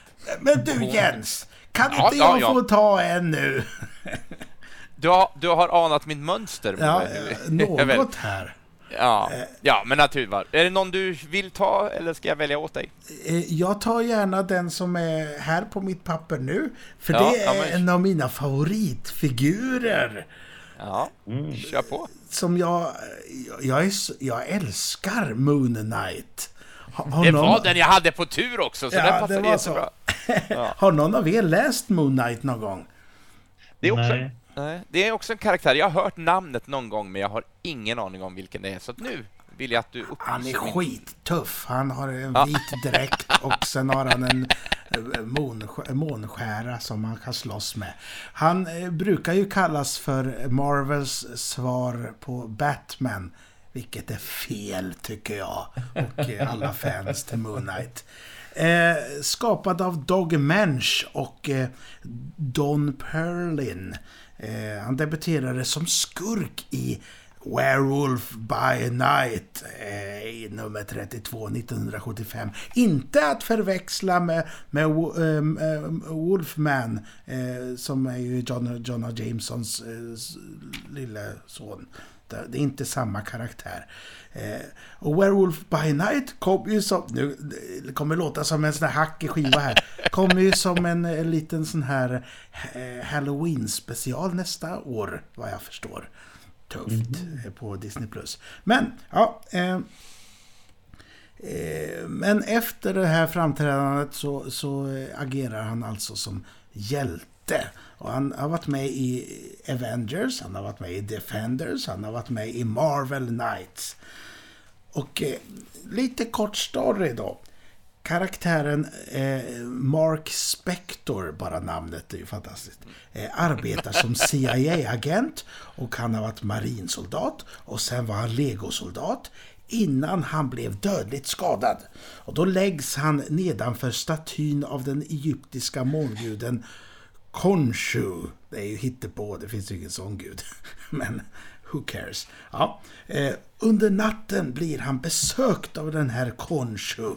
Och eh, så gör han en deal med denna. I utbyte med att han får leva då eftersom han är så skadad eh, så får Konshu ta del av hans kropp och leva genom honom i form av Moon Knight. Och tillbaka i USA så bildar han personligheterna eh, miljardären Steven Grant. Och det är ofta det som man brukar säga. Ja, men han är milja- miljardär och eh, eh, brottsbekämpare och har massa coola gadgets. Det är därför han är Batman i Marvel. Men, ja, men, Men han, han, han har lite glattare humör kanske än Eh, Batman? Nej, men Nej. han har en till eh, karaktär. Han är taxichauffören Jake Lockley. Eh, och sen dessutom då superhjälten Moon, eh, Moon Knight. Och nu kommer twisten, mina damer och herrar. Det är Ja. dock inte säkert att han har fått besök av här, den här eh, guden. Det är mycket som tyder på när man läser serien att han lider av en sån här dissociativ identitetsstörning. Så alla de här karaktärerna som han är, det är delar av han. Han har ju personlighetsklyvning helt enkelt. Mm. Så, eh, så, Och så en han, av dem har superkrafter. Ja, eller har Ja. han det? Ja. Eller också är han bara en jäkla slagskämpe liksom. Ja. Och nu kommer hack i skivan här då. Kommer som Marvel, eh, Marvel-serie på Disney+. Plus. En miniserie med Oscar Isaac i huvudrollen. Mm. Mo är glad! Det blir coolt. Och det är ju en av mina favorittecknare, eh, Bill Sienkiewicz, som har ritat mycket av, av hans, eh, hans avsnitt eh, i serietidningen. Ja. Ja. Tack Finns det Jens att jag fick prata om Moon Knight. Varsågod Moe, varsågod. Men eh, finns det något releasedatum på denna korta serie då? Jag tror att den är inspelad faktiskt. eh, Och Ja. att den släpps 2022. eh, vad Jag tror det med. Mm. Det blir Trevligt. gött. Ja, Det finns så mycket att se fram emot. Alltså. hoppas de håll, håller det här att han är lite... Ja, schizo är fel Mm. ord. Men att han verkligen har en personlighetsklyvning. Och sådär. Mm. Det, för det är ju det som är intressant med honom. Ja, och Isaac känns ju spontant som en, som en väldigt begåvad skådis att sätta på den rollen. Ja, Han, eh, ja det Mm. är underbar bra casting. castat, Ja, verkligen. Spännande, spännande! Eh, då så, men vi följer väl min förutfattade lista här då. Så. Ja. Niklas, är du beredd? du, Jag är beredd. toppa Moon Knight nu då. Kom igen, bring it on. Ja. Nej, men jag tänkte, såvida du inte har någon eh, som du känner att åh, det här måste jag ta nu. Så... Ja, Nej, nej, kör du. Åh, vad härligt. Ja, Scarlet Spider. Scarlet Spine. Eh, Vem är det? Aldrig hört talas om. Är det så? Ja, Oj. enlighten me. Det här, det här kunde jag ganska mycket om Ja. innan. Men eh, det här är också eh, nog den mest invecklade av de jag ska behandla. Ja. Eh, men eh, Scarlet Spider i alla fall. Eh, det ben är flera Riley som... menar du? Ja, exakt. Ben Riley är det som är mest känd under, eh, under dräkten där. Men eh, det är flera andra som har eh, haft namnet och dräkten Scarlet Spider. Bland annat hade Peter Parker det ett tag. Men, men. Eh, Men sen även Joe Wade och Kane Parker. Men mest känd är Ben Riley, så jag kommer fokusera mest på honom. Och han är skapad av Gary Conway. Men eh, nu kommer vi till när han gjorde debut då. Eh, det är nämligen så att Ben Riley är en klon av Peter Parker. Okej. Och han gjorde debut som klon i Amazing Spider-Man nummer 149 oktober 1975. Men där, eh, eh, och där eh, skapas han som en namnlös klon av vetenskapsmannen Miles Warren, The Jackal, är han också känd som. Eh, och han skapas tillsammans med en klon av eh, Peter Parkers första flickvän Gwen Stacy i ett försök att eh, liksom dubba Peter Parker och besegra honom genom att tro, få honom att tro att han är galen. Men eh, det är en så bra klon och den tror att den är på riktigt och att Gwen Stacy är på riktigt. Och alla andra Peter Parkers nära kära också. Eh, så att eh, när The Jackal till slut eh, utsätter dem för fara så Eh, går eh, den riktiga och klonen tillsammans för att rädda Gwen Stacy. Och i den räddningsaktionen så verkar det som att både Jackal och klonen dör. Och det är inte förrän i Spiderman nummer, 100, nummer 51, oktober 94, alltså 20 år senare, som eh, han återvänder igen och då som Ben Riley. Och då har han tagit det namnet efter Uncle Ben, förnamnet, och sen eh, Aunt Mays efternamn är Riley. Så därför kallar han sig Ben Riley. Och där börjar hela klonsagan. Precis, där kommer klonsagan va, som är ju en känd... Eh, så då introduceras han som Ben Riley och sen introduceras han som Scarlet Spider i Web of Spiderman nummer 118, november 94. Och sen så blir han Spiderman faktiskt ett tag Ja. och det introduceras han som i Sensational Spiderman nummer 0, januari 96. Och sen så kommer han tillbaka som The Jackal faktiskt i The Clone Conspiracy nummer 3 i december 2016. Det har inte jag så läst. mycket. Men, Nej, men om du är sugen på att läsa klon, eh, klonhistorien som är en bedrövlig eh, svit så har jag den på svenska här. Eh, Ja, inte här. Ja, För jag, tur. ja. Den har jag läst också på svenska. Jag Mm. tycker inte den är så bedrövlig faktiskt. Jag tycker den eh, har någonting. Den höll på eh, I alla fall under sin exil då på 20 år så var han eh, jagad ständigt av eh, Kane Parker som också är en klon då. Eh, men en lite mer misslyckad klon. Mm. Eh, nej, men, och eh, Ben Reilly återvänder då till, eh, till New York efter sin exil. Och han har under hela sin tid borta från New York varit jagad av Kane Parker. Som är en av The Jackals misslyckade kloner. Eh, så därför har han liksom eh, eh, sett till att vara under radarn. Eh, men han återvänder till New York när han får reda på att May har drabbats av en stroke. Och det verkar som att hon inte ska överleva. Och då konfronteras han av Peter Parker först, men de kommer över sitt groll ganska snabbt. Och då tar han sig an rollen som Scarlet Spider och då introduceras då den hjälten först. Men sen visar det sig att Ben Riley är originalet och Peter Parker verkar vara klonen. Och så är Men... det lite är det lite hullabaloo där, några turer. Eh, och eh, Ben är inte så intresserad av att, att vara Spiderman. Men eh, Peter Parker ska ha barn då och ha gift sig. Och han är lite intresserad av att ta ett steg tillbaka. Och då blir det så att Ben ändå tar över rollen som Spiderman ett tag. Eh, men eh, han hinner inte vara det så länge innan det visar sig att det är Green Goblin som ligger bakom det här.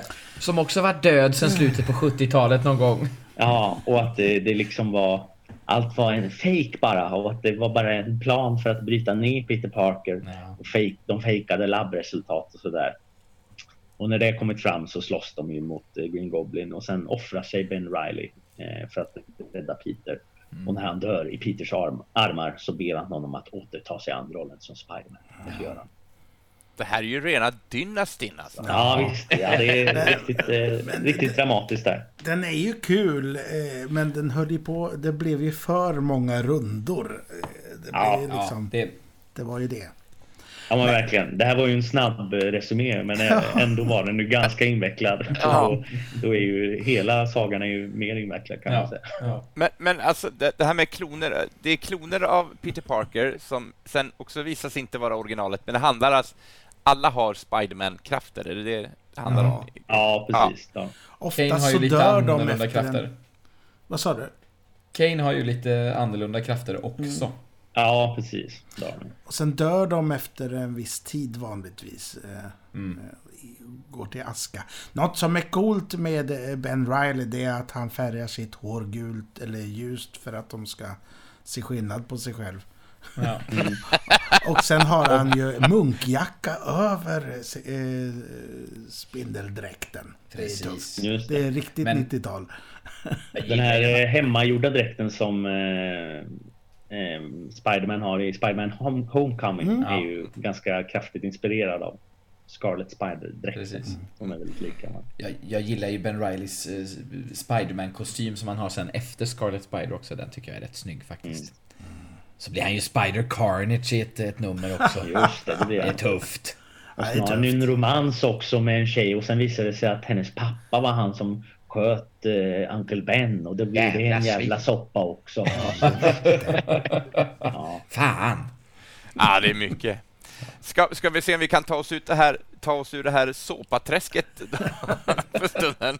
Och eh, Henrik, kan Ja. du ge mig en liten update? Vem är The Presence? The Presence, eh, Ja. Jens, eh, hade sin debut i Defenders nummer 52 1977 eh, och skapades av Keith Giffen och David Kraft, Jaha. Fast förmodligen David Kraft. Eh, Ja, och David Kraft är ju då en, en vän till oss alla fyra, Ja. ska vi bara flika in med. Men det är förmodligen inte samma David Kraft. Nej.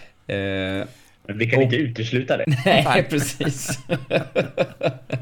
eh, och eh, det är eh, en rysk kärnfysiker vid namn Sergej Krylov som eh, har muterat sig själv till någon form av supermänniska som alltså då kunde generera kärnkraft.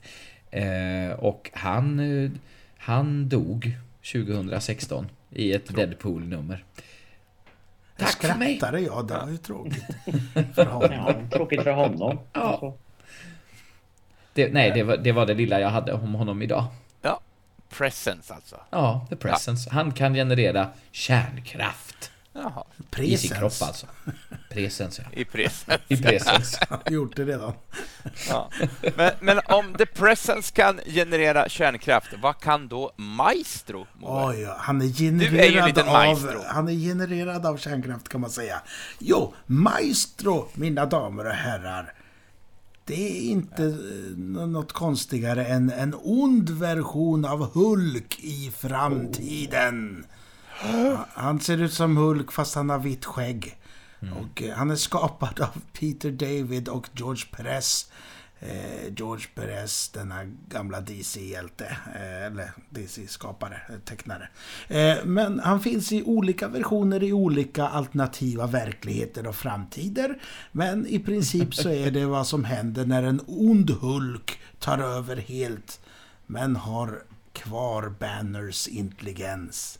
Han spelar ju stor eh, roll i Old Man Logan och sådär.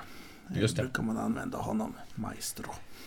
Finns en... Men, men kommer han från alltså Bruce Banner, eller vad? vad Ja, är det, det, det, är en, vad? det, man kan säga att det är en Old Man Hulk Banner. Ja. Som är Ja. ond. En ond Ja. gubbjävel. Okej. Ja. Eh, Det finns en snygg serieruta när han... eh, Och. Han och Dok- Ja, och smart ja. När han och Dr. Doom möts. Så står de bara och tittar på varandra först. Hulken i sitt långa gråa hår och skägg. Och Dr. Doom. Så går de fram till varandra och tar i hand. Doktor, doktor. Det tyckte jag var coolt. Då tänkte jag att, för jag har inte, jag har inte heller så någon koll på, på Maestro sen tidigare. Så, Oj, det här är inte bra ju. Det här är ju inte bra ju. Det här är inte bra alls. Det här kan... Jag anar oråd. Ja. Ja. Men hörni, oh, alltså, de har, jag vet, nu har vi hållit på och snackat ett tag, men det är några namn kvar. Det här är så roligt så vi fortsätter bara tycker jag. Ja. Ja, ja, en liten vi, stund vi till gör det här för, mest för vårt eget nöjes Ja. skull. Häng med om ni vill, häng med om ni vill. Det här är för Men dig Frasse, Ni- så får du ett långavsnitt. Men Niklas, en, en som jag vet att som du har på din lista som jag verkligen vill veta vad det är. Det är Devil Dinosaur. Det här var en karaktär som jag inte visste mycket om, men eh, nu är jag... Vill jag, jag, ja, det här skulle jag vilja läsa om. Ja. Jag ska berätta för dig nu. Devil Dinosaur, han har faktiskt inget, eh, inget annat namn, eh, inget alias liksom, utan han är Devil Dinosaur bara. Han är en djävulsdinosaur. Han är skapad av Jack Kirby Ja, det är klart. eh, och hade debut i Devil Dinosaur nummer ett, april 1978. Och han har en övermänsklig styrka och uthållighet och övernormal intelligens. Oh. Och han kommer från Dinosaur World som en eh, version av jorden i ett parallellt universum där dinosaurier och eh, förhistoriska varelser samexisterar med primitiva människor. Och han blev eh, nästan bränd till döds som ung av Killer Folk, en fientlig stam på den här versionen av jorden. Men han blev räddad av Moonboy som sen efter det var hans eh, ständiga följeslagare. Och den här elden aktiverade en mutation i Devil Dinosaur eh, som eh, gav honom alla de här krafterna som gjorde honom mäktigare än någon annan av hans slag. Och gjorde också att hans hud ändrades från olivgrön till flammande röd. Coolt. Eh, ja, det är coolt. Och han har förekommit i några enstaka avsnitt i eh, tv-serierna Hulk and the Agents of Smash, Avengers Assemble och Superhero Squad Show. Och i den eh, sistnämnda så är det Dee Bradley Baker som är rösten till Devil Yeah. Dinosaur. Han är ju mer känd som rösten bakom Captain Rex och de andra Precis. klonerna i Star Wars annars. Men sen kommer det också en eh, animerad serie eh, som heter Moon Girl and Devil Dinosaur som kommer 2022. Så där ska han ha en rätt stor roll. Så det kan man ju se fram emot för det här verkar vara en rolig karaktär. Alltså, Ja, det det, måste ju vara så här. Jag har ett skitbra namn här. Ja, verkligen. Let's go with it. Men fan vad man älskar serietidningar ändå hörni. Det är, Ja. Vi får liksom, vi får Devil Dinosaur. Ja. Vi har, och sen så eh, Spiderman och alla de där namnen har man ju liksom vant sig vid, men de är också ganska så... Alltså, Samtliga. känn, på Det- det här. Dr. Octopus. Det är så Ja, dumt. exakt. Det är så dumt. Dr. Doom. Ja, Ja, men, men det är underbart. Fan vad jag älskar det. Devil Dinosaur alltså. Men du, du Henrik Joneskär, vad har du för någonting att bjucka på? Ja men Jens, jag, Ja. tänkte, jag tänkte gå ifrån eh, formen lite. Jag tänkte för nu... Jag tänker ta två på en gång. Kanske till och med Absolut. tre för att jag har så kort om dem. Ja, kör på bara. Jag börjar med ihop dem bara. Jag börjar med Tinkerer. Ja. Eh, som vi har på vår lista här. Och eh, han heter egentligen Phineas Mason. Eh, eller Tinkerer då, som introducerades i Amazing Spider-Man nummer två. Så han var tidigt ute. Skapad av Stan Lee och Steve Ditko då såklart. Eh, ett geni och ingenjör som kan tillverka maskiner och vapen i princip av vad som helst. Överblivet MacGyver. skräp. Ja, MacGyver, fast eh, elak. Ehm, eh, har haft en del egna schemes och plots, men jobbar mest på uppdrag av andra skurkar. Eh, tanken från början var att de introducerade något form av eh, utomjordnings eh, där i hans eh, introduktionsnummer, men det slopade man ganska snabbt. Eh, så han är en, en vanlig nisse, helt enkelt. Som gillar att bygga saker. Och vara elak. Men du, visst har han varit med på film? Ja, det har han ju varit. Han är med i, eh, inte Far From Home, utan Det första, ja. Home, Homecoming. Spider-Man Homecoming. Just det. Så är han ju med. Jaha, han är med eh, Vulture där och bygger alla Jajamän. sakerna. Ah, Jajamän. just ja. Ja, Stämmer. där ser man. Fast han Men- är ju en gammal gubbe i, Ja. i, i serietidningarna. Precis. Ja, det. Han har ju också en eh, i det här nya spelet, Spiderman Miles Morales. Ja. Så han är också med som, eh, som skurk. Men det är en, en, en annan version kan man säga av Just det. Tinkerer. Men det är ändå Tinkerer, men en Mm. lite mer modern version. Just det. Eh, Men jag, jag är fräck och går faktiskt vidare. Ja, vad kommer sen då? Mo? Sen- Eller, Mo, Henrik, vad kommer sen? Sen kommer Silvermane. Ja. Eh, Silvio Manfredi. Som introducerades i Amazing Spider-Man nummer 7. Skapad av Stan Lee och inte Steve Ditko utan John Buscema. Eh, och han var en, eh, eller är, boss i Magian. Som är ett brottssyndikat i Marvel-universet. Eh, en skröplig gammal gubbe som eh, ville förlänga sitt liv eh, på olika sätt. Han har snott någon gammal stentavla med någon sån här förhistorisk incantation. För, vad säger man? Magisk grej som gjorde honom ung och ett spädbarn och sen försvann han för sen så fanns han igen. Eh, och sen byggde han om sig till cyborg. Ja, det Eh, gjorde han. ja, visst. Och det är väl det tuffaste han har gjort tror jag. Ja, det är en rätt så Eh, tråkig skurk. Ja, rätt så tråkig. Han var rival med Kingpin ett tag. Eh, om liksom kontroll över den undre världen. Så det var det om honom. Och sen tar jag en till när jag ändå är Ja, igång. do it. Kör på bara. Och då tar Do jag. Cull, Cull Obsidian som också är en karaktär som eh, vi faktiskt har träffat eh, i eh, Infinity War och Endgame. Eh, I serietidningarna så är Cull Obsidian eh, ett annat namn för The Black Order som är Thanos generaler. Aha, ja, men Och- då kanske jag till och med vet. Ja, ja men fortsätt. Ja. Men i serietidningarna så heter, är det ju liksom namnet på orden. Och en av de här medlemmarna som heter Black Dwarf döptes om till Cull Obsidian för sin debut i MCU. Eh, Och Black Dwarf skapades av Jonathan Hickman och Jerome Opeña för New Avengers nummer 8 eh, 2013. Så en ganska ny, ny karaktär. Ändå. Nu har jag pratat färdigt. Men, men eh, vad, vadå Jens? Nu Ja. fick ju han köra flera stycken om Spindelmannen här och sen något annat efter. Då vill jag ta, fortsätta med mitt Hulk här. Får jag ta lite Hulk-figurer? Om jag säger nej, Ja, kommer du göra i alla fall, så att du får ett rungande ja. ja. Kör på bara, kör på. Yes, tänkte jag. Ja. Eh, Ja. Amadeus Show. Kanske ni känner till här, men det vet jag inte. Ni lyssnare som inte känner till, häng med! Ja, Han är skapad av Greg Pak och Takashi Miyazawa och debuterade i Amazing Fantasy volym 2, eh, av, eller del 15, 2005. Och det är, han tillhörde eh, den här eh, rebooten som de kallar det för All New Different. Och det är Totally Awesome Hulk.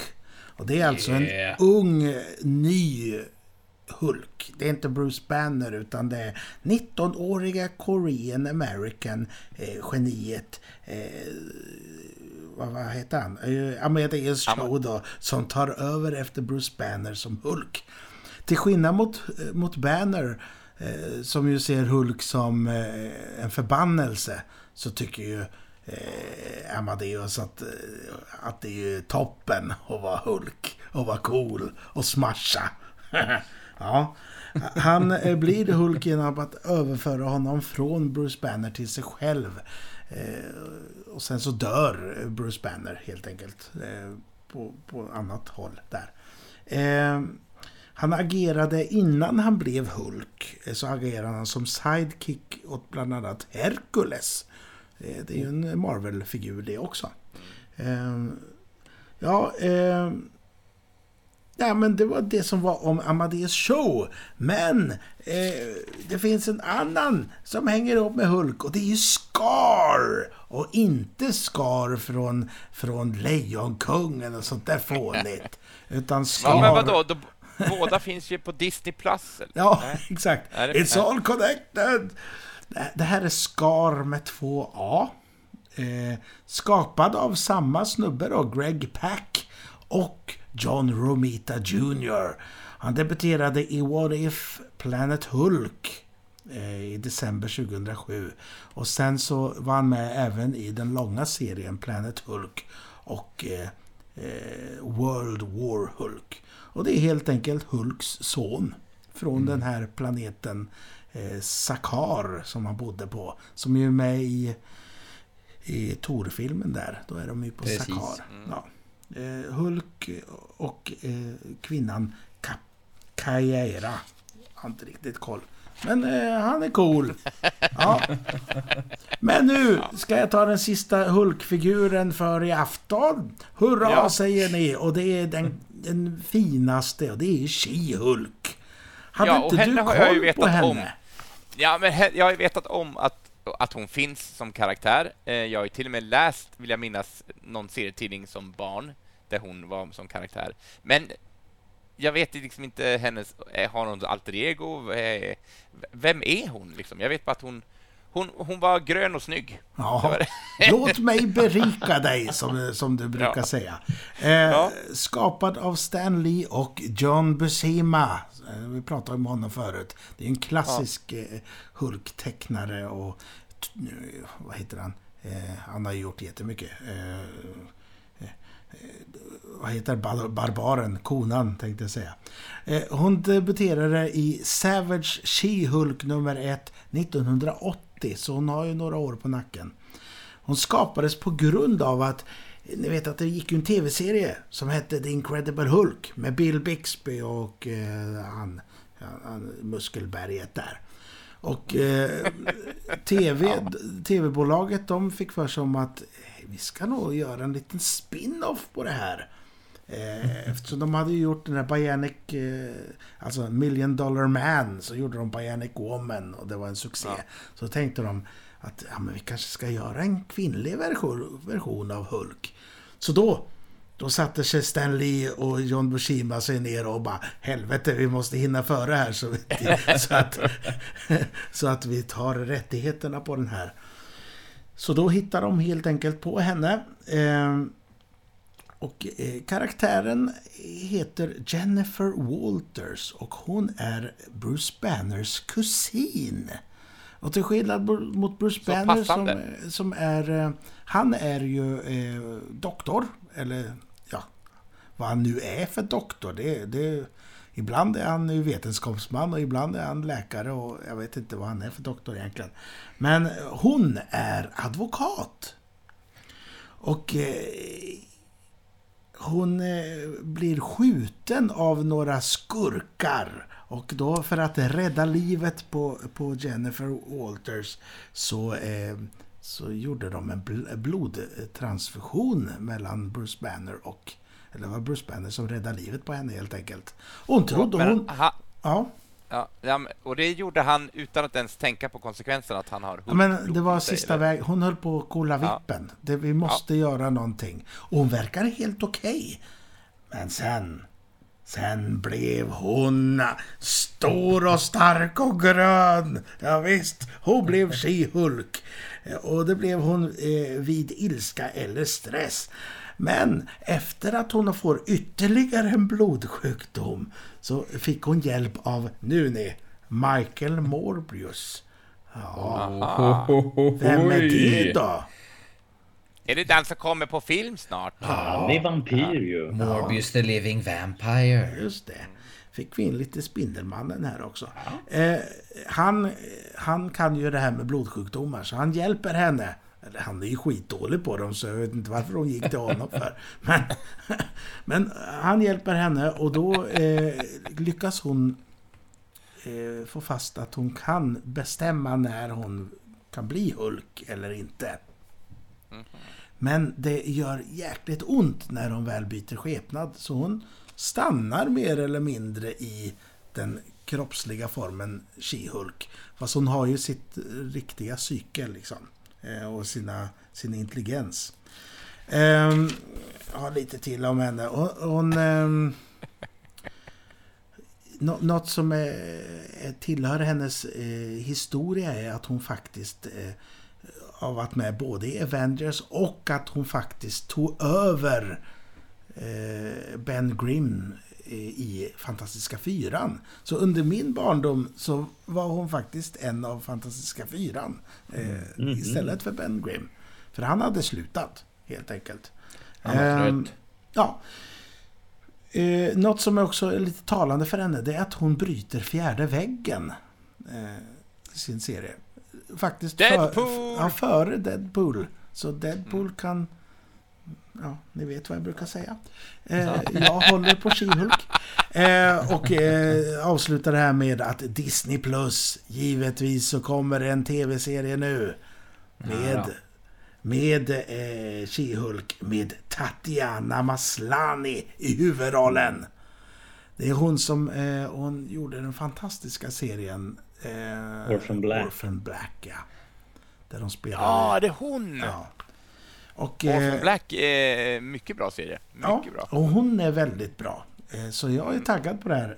Eh, Mark Ruffalo och Tim Roth ska vara med. Så då är han säkert tillbaka som... Vem då, Jones? Abomination. Jajamän! Nu sa, fick jag dig att säga det eftersom jag tycker det är så svårt att säga det, det namnet. Okej. Ja, tack för mig! Så vad härligt. Eh, Mina vänner, vi har några namn kvar, men jag tänkte Niklas, har du några som du bara vill köra ihop så där i ett svep? Eh, Eh, Som- ja, men jag som- har två här som jag kan slå upp som jag inte he- heller har så mycket om. ja, ja, men vi tar dem. Vilka ska jag då få lära mig mer av? Jo, då ska du först få lära dig lite om Kid Colt. Ja, eh, som, som heter Blaine Colt egentligen. Han är skapad av Pete Tomlinson och Jack Keller. Och eh, han hade debut i Kid Colt Hero of the West nummer 1 augusti 1948. Åh, åh, åh. Det var länge sedan det. Ja, det var det. Han är beväpnad med två stycken Colt 45 kaliber och ett lasso. Oh! Eh, och eh, det finns eh, lite olika historier om ursprunget med Kid Colt. Men det som i alla fall står klart är att han i ung ålder lärde sig att hantera de här revolverna väldigt eh, skickligt. Och han, han blev oskyldigt dömd för eh, ett mord och eh, rider därför genom västern som en outlaw. Eh, men han är oskyldigt dömd. Och eh, när serien eh, tog slut med nummer 229 i april 1975 så var det den längst publicerade westernserien någonsin. Ehm, ja, det, Den det har jag inte var det jag läst. hade om Kid Cole. Nej, inte jag heller. Jag hade aldrig hört talas om honom. Och inte heller har jag, hade jag hört talas om Captain Corbet. Ehm, Nej, inte eh, jag som eh, hade debut i Kid Colt Outlaw nummer 106 i september 1962. Ah. Eh, han är en djurtränare. Eh, och han har kontroll över en gorilla och en björn. Och han eh, är djurtränare i gruppen The Circus of Crime. Som reste runt. ja, de reste runt och rånade småstäder när alla var och tittade på cirkusshowen. Man Men vill, han blev man, vill ju, besegrad av, man eh, vill ju smasha ihop det här med Squirrel Girl, det hör man ju liksom. Ja, verkligen. Ja, men han blev besegrad av Kid Colt som förvirrade hans björn genom att släppa gorillan lös. Ja, då så. Ja, det var det jag hade om de två. Men, men snälla Niklas, medan du fortfarande pratar, kan jag, jag vill också vara Hell Cow. Jag måste få, jag måste få veta någonting om Hell Cow. Ja, just det ska du få då. Du förstår, Hellcows riktiga namn är ju Bessie. Ja, ja. Hon är skapad av Steve Gerber och Frank Brunner. Och gjorde sin debut i Giant Size Man Thing nummer 5 från 1975. Alltså jag älskar de här eh, huvudtitlarna på vissa serier. Men Steve Gerber, han har ju skapat även Ho- Howard the Duck. Det, så det Ja, är lite i hans alley sådär. Obskyra djur liksom. Ja, det är hans grej. Och Hellcow är en vampyr. En vampyrko. Eh, Så hon är odödlig och kan flyga och kan shapeshifta då. Eh, Och har större styrka och rörlighet än ett vanligt nötkreatur. Ja. Och det var omkring år 1675 som Bessie föll, föll offer för Dracula. Tråkigt. Dracula hade inte lyckats hitta några människor i sin jakt på mat eh, och då gav han sig på Bessie. Och Bessies ägare begravde henne och eh, blev eh, förskräckt när hon tre dagar senare vaknade upp och gav sig ut eh, levande död på jakt efter Dracula för att få sin hämnd. Alltså, jag, jag håller ju på och plöjer gamla Dracula Marvel och jag har inte kommit till kossan än. Det, det, det är, jag känner att jag har en guldkorn på G alltså. Ja. Ja, det här är ju fantastiskt. Ja, och det blir konstigare kan jag säga. Och sen, eh, sen i nutid så stöter Hellcow på Howard the Duck. Eh, och eh, efter en kamp mellan dem så lyckas Howard eh, eh, driva en påle i hjärtat på Hellcow och hon förmodas stå död. Men eh, hennes huvud var fortfarande intakt så att hon lever fortfarande. Och då tas kroppen hand om Dr. Kilgore, en galen vetenskapsman. Han försöker bli ody- odödlig och använder hennes eh, vampyrmjölk för att bli det och samtidigt eh, bota sin tuberkulos. Men då ex- det experimentet inte lyckas så tillfångatar han Deadpool för att då använda hans eh, eh, hypofys som gör att han är typ odödlig. Men det gör bara honom mer galen. Och då tvingas Hellcow och Deadpool slås ihop för att besegra honom. Och då gör Hellcow Deadpool temporärt till en vampyr för att de ska lyckas med det. Och sen flyr de, men då är det dag ute och då blir Hellcow till aska. Och då får Deadpool hoppa tillbaka några serierutor och rädda henne. Ja. Fint. Ja, Det, det var Hellcow. Ja. Fantastiskt. Ja. Eh, nu är, vi har ju några namn kvar, men jag tänkte att vi kanske, vi kanske kan, åter, vi kan återkomma till det här ämnet om, några, an- om några avsnitt senare kanske. Ja, Absolut. jättegärna. Det känns som en fantastisk avslutning. Sluta Ja. på Hellcow alltså. Det blir inte bättre än så. Nej, jag tror inte det. Så, så gör vi. Så, då kan jag ta och bocka av en mängd nya Marvel-karaktärer på min lista. Tack för det, mina vänner. vad härligt. Tusen, tusen tack. Tack ska du ha. Ja, verkligen. jag, jag, mitt... mitt eh, eh, hittar jag inte ett bra ord, men min, törst över, efter kunskap är eran morot, va? Ja, Är det då. så? Oh, ja. Och det och blir också ett bevingat ordspråk från och med nu. Jajamän! Ja. Men du känner att var du, att du kan allting om She-Hulk och Hellcow nu och sådär? Nej, allvetande lär jag väl aldrig bli med tanke på att det är tillräckligt rörigt även om vi bara skrapar på ytan. Men det, jag Jag känner- kan mer i alla fall än för två timmar sedan. Är du redo att avbocka det här då? Det är jag. De här karaktärerna är jag klar att bocka av nu. Så. Hörni, vi tar och rundar av här, tror jag. Nu har vi pratat i nästan, nästan två timmar. Mm. Och sen ska vi ta och förbereda oss inför nästa avsnitt. Precis! Åh, det Ja, ska visst. bli kul. Ja, för nästa gång, då har vi också två ämnen. Eh, första ämnet, då är tanken att vi ska klampa runt i det sagolika Middle Earth och ta på oss The One Ring och prata tolken med allt vad det kan innebära. Oh. Eh, med risk för att det också blir ett eh, långt avsnitt, men Ja. vi, vi ser vart vägarna tar oss. Och som timmars... ämne nummer två så ska vi prata om någonting som går lite hand i hand med, med tolken och det är nämligen böcker eller boksviter som vi önskar ska nå den vita duken. Alltså böcker som inte än har blivit film eller tv-serieadoption eller har filmats på något sätt, kanske vi kan säga. Så vi ska gräva fram de bästa böckerna som av någon oförklarlig anledning inte har blivit film ännu.